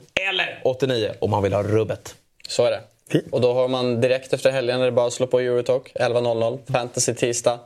08 fotboll onsdag. Fantasy fredag igen. Så bara rullar det på. Och så alla säsonger Quisaleta som Så är det. går i omlopp. Liksom. Exakt, tidslöst. Och såklart så är Fotbollsmorgon eh, tillbaka som vanligt på måndag igen 07.00. Missa inte heller det. Vi säger tack så mycket för idag och ha en fortsatt fin helg. Fotbollsmorgon presenteras i samarbete med Stryktipset. En lördagsklassiker sedan 1934.